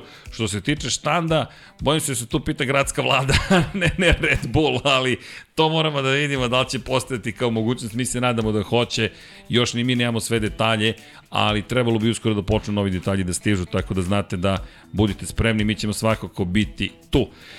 I pita Boris Trutin da li se ide na skup, uh, moto skup kruzera u Košutnjaku. Ja ću biti na skupu moto kruzera u kabini broj 2 na sport klubu, na sport klubu HD Formula 1, Formula 2, Formula 3, Porsche Super Cup, tako da naći ćete me tamo. u svakom slučaju, ljudi, nadam se da ste uživali, mi krećemo polako da se odjavljujemo i na zahtev jučerašnjeg, ne znam tačno koga, čitamo imena koja, su, koja nas podržavaju, ljudi koji nas podržavaju, ali ne iz knjige, pošto ima novih članova i iz te perspektive treba da se ispoštuje sve ono što vi radite za nas, tako da Hvala vam. Inače, da vidim da li sam nešto propustio. I Jelena Veljković, Srki, donirala devojka 4 euro 99 euro centi. Srki, pogled poruke na Instagramu, please. Ok, hoću niste morali to da uradite dovoljno je da pišete na Instagram, Instagram Infinity Lighthouse, tamo su ozbiljni ljudi, ali Jelena, nema problema, sad ćemo to da rešimo vrlo, vrlo brzo, samo da završimo. U svakom slučaju, Da krenemo sa čitanjem imena. Dakle, članovi, kliknite join ukoliko želite da budete član, bit će, kažem, obećavamo, malo kasnim, ali ispunit ćemo očekivanja, ne brinite. Igor Ilić, Zlatko Marić, Galeksić, Milan Knežević, Aleks Vulović, Vuk, Milan Kokorus, Nemanja Cimbaljević, Bojan Pejković, Kosta Berić, Koja 7, Almir Vuk, Žarko Jovanović, Resničanin, Pjetar Bjelić, Kro Robi 00, Pavle Lukić, zatim pobežem mi ponovo Scroll, Nikola Božović, Marko Bogavac, Milorad Reljić, Andreja David, Armin Šabanija, Nenad Lukić, Saša Stevanović, Toni Soni 76, Nikola Niksi, Branko Rašče, Rašević, Nemanja Bračko, Nikor 24, Nikola Grđan, Miloš Tanimirović, Vukašin Felbo, Voća Pero, Marko Stilković, Bakadu, Bojan Gitarić, Ivan Magdalenić, Ivan Vojosinović, Tatjana Lemajić, Veselin Vukićević, Branislav Dević, Vukašin Vučenović, Almedin Ahmetović, Nemanja Labović, Aleksandar Kockar, Miloš Zed, LFC, Nikola Kojić, Nemanja Miloradović, Zvonimir Papić, Ivan Božanić, Marina, Vlada Ivanović, Oliver Nikolić, Andrija Todorović, Jelena Jeremić, Aleksandar Nikolić, Lukas Kok, Nemanja, Bojan Markovi, Danilo Petrović, to su inače ljudi koji nas već mesecima podržavaju, godinama neki, hvala na tome ljudi, zaista nam puno znači, patreon.com kroz Infinity Lighthouse, ukoliko želite, uključite se u ekipu, u našu bandu, eto, da ne bude posledno, rekao sam banda, jel te? Deki me ignoriše. Školski me troluje, nemojte ništa da brinete, a Vanja nas sad obojcu troluje, hvala Vanja. Inače, Marko Petrakanović, Srđan Sivić, Milan Apro, Milan Milašević, Branimir, Branimir Rijevec, oprostite, Andreja Nemanja, Jasmin Peš, Jasmina Pešić, Matija Rajić, već počinjem da padam ja u nesec, Zoran Cimeša, Danijela Ilić, Đole, žena mi zna, Andreja Miladinović, Borislav Jovanović, Miloš Radosavljević, LFC, Miloš Bročeta, Crnogorski džedaj, Grgo Živaljić, Vlada Ivanović, Jugoslav Krasnić, Nenad Pantelić, Andreja, Bran, Andreja Branković, Nebojša Ževanović, Ivan Rečić, Andrej Bicok, Veselin Vukićić, Dimitrij Mišić, Ivan Ciger, Safet Isljami, Ivan Panajotović, Katarina, Boris Erceg, Stefan Stanković, Džigi Bao, Branislav Kovačević, Dipres, Cody Garbrand, Fen, Aleksandar Jurić, Vladimir Filipović, Vladimir Petković, Vanja Radulović, Đorđe Đukić, Pavle Nj, Miloš Todorov, Emir Mešić, Andrija Todorović, E. Preli, Ertan Prelić, da ne zaboravim, Ognjan Gurjanović, Alen, Bojan Markov, Bojan Markov, ko je Bojan, ko je, Bojane, Bojane! tu nam je Bojan Markov. Hvala za podršku. Inače, čovek koji je stajao pored drveta koje je na Šrilanci zasadio, Juri Gagarin u majci Kosmos 76. Banja, ne respekt, nego aplauz svi ovde u studiju. Poslusi nam i fotografiju, to, to, to, pa ćemo se vratiti na muziku. Dakle, čovjek je tamo. Inače, imaš Space Geeka tamo sa druge strane, Ivan Toškov se zove i, i, i to spajanje Space Geekova, tako da znate, ima, ima tu neko... A pričat ćemo o tome, stiže nam i novi kosmos, a to je Milica, lepša polovina gospodina Gika, tako da Giketa, može. Ali to je sve u redu, inače prevoditelj, prevodil, prevodilac, može tako, koji je uradio 7 posao sa Kimi Rojkonenom. Neotkriveni Kimi Rojkonen. Ali da se vratimo čitanju, Bahter Abdurmanov je tu, Šta sam sad uradio? Nešto sam uradio, zabavljam ovde ljude. Predrag Pižurica, Dejan Đokić, Ferenc Lasnov, Branko Bisački, Zarko Milić, Aleksandar M, Igor Gašparević, Vukašin Jekić, Denis Špoljarić, Branislav Marković, Igor Vučković, Aca Vizla, Dejan Vujović, Nemanja Zagorac, Aleksandar Antonović, Novak Tomić, Boris Kujundžić, Tijena Vidanović, Aleksa Jelić da žena ne sazna, Dušan Petrović, Lazar Pejević, Stefan Nedeljković, Nemanja Jeremić, Zoran Majdov, Mihovil Stamičar, Nikola Stojanović, Jasenko Samarđić, Bojan Majstorović, Antonio Novak, Stefan Milošević, Miroslav Cvetić, Đole Bronkos, Ognjen Marinković, Vukašin Vučenović, Nemanja Miloradović, Marina Mihajlović, Dušan Ristić, Miloš Vuletić, Luka Manitašević, Zorana Vidić, Marko Horg, Boris Golubar, Mirena Živković, Josip Kovačić, Andrej Božo, Boris Gvozden, Nenad Cimić, Petar Relić, Bojan Mijatović, Zatim, dok se učita treća stranica, Milan Nešković, Boris Bo Borko Božunović, Marko Ćurčić, Mlađan Antić, Kristen Sešta, Šestak, oprostite, Stefan Vidić, Ivan Žorž, Luka Savić, Jelena Mak, Goša 46, Kovačić, Omer, Monika Erceg, Vučinić, Miroslav, Nenad Đorđević, Nikola Božinović, Filip, Mihajlo Krgović, Đorđe Radović, Predrag Simić, Ivan Simunović, Zoran Šalamun, Aleksa Vučaj, Miloš Banduka, Mario Vidović, Aleksandar Anđelić, samo da spomenem, Galeb je to i mi podržamo Galeba i više to neću čitati, to ste čuli ove dve epizode. Aleksandar Anđelić, Zoltan Mezej, Stefan Lešnjak, Ivan Maksimović, Toni Ruščić, Milan Đurđević, Marko Bogovac, Nikola Grujičić, Marko Mostarac, Mladen Krstić, Marko Čuković, Stefan Dulić, Ivan Toškov, Ivan Toškov, Ivane, Toškov, javi se Ivane, to je ta druga tribina, Sava Dugi, Jelena Jeremić i prvi među jednakima Ozren Prpić. Šta da vam kažem, hvala vam. Možete posetiti našu prodavnicu shop.infinitylighthouse.com kačketi, majice, knjige, možete u Buka Store kupiti knjige, iste su cene, dakle tu nema razlike. Ukoliko želite da svratite kod nas u prodavnicu, Svetogorska 46, sve to možete nabaviti i ovde kod nas. Karticama, gotovini, čekamo Igora Markovića da kupi najzad sve što je obećao, pošto sada možemo da izdamo i fiskalni račun nove fiskalizacije. Dobit ćete čaršaf jedan, ali ćete dobiti račun. U svakom slučaju, Ovo je bilo izdanje 214 Lepa 76. Deki ide na spavanje kao ja i mi vam kažemo Ćao, Ćao svima. svima.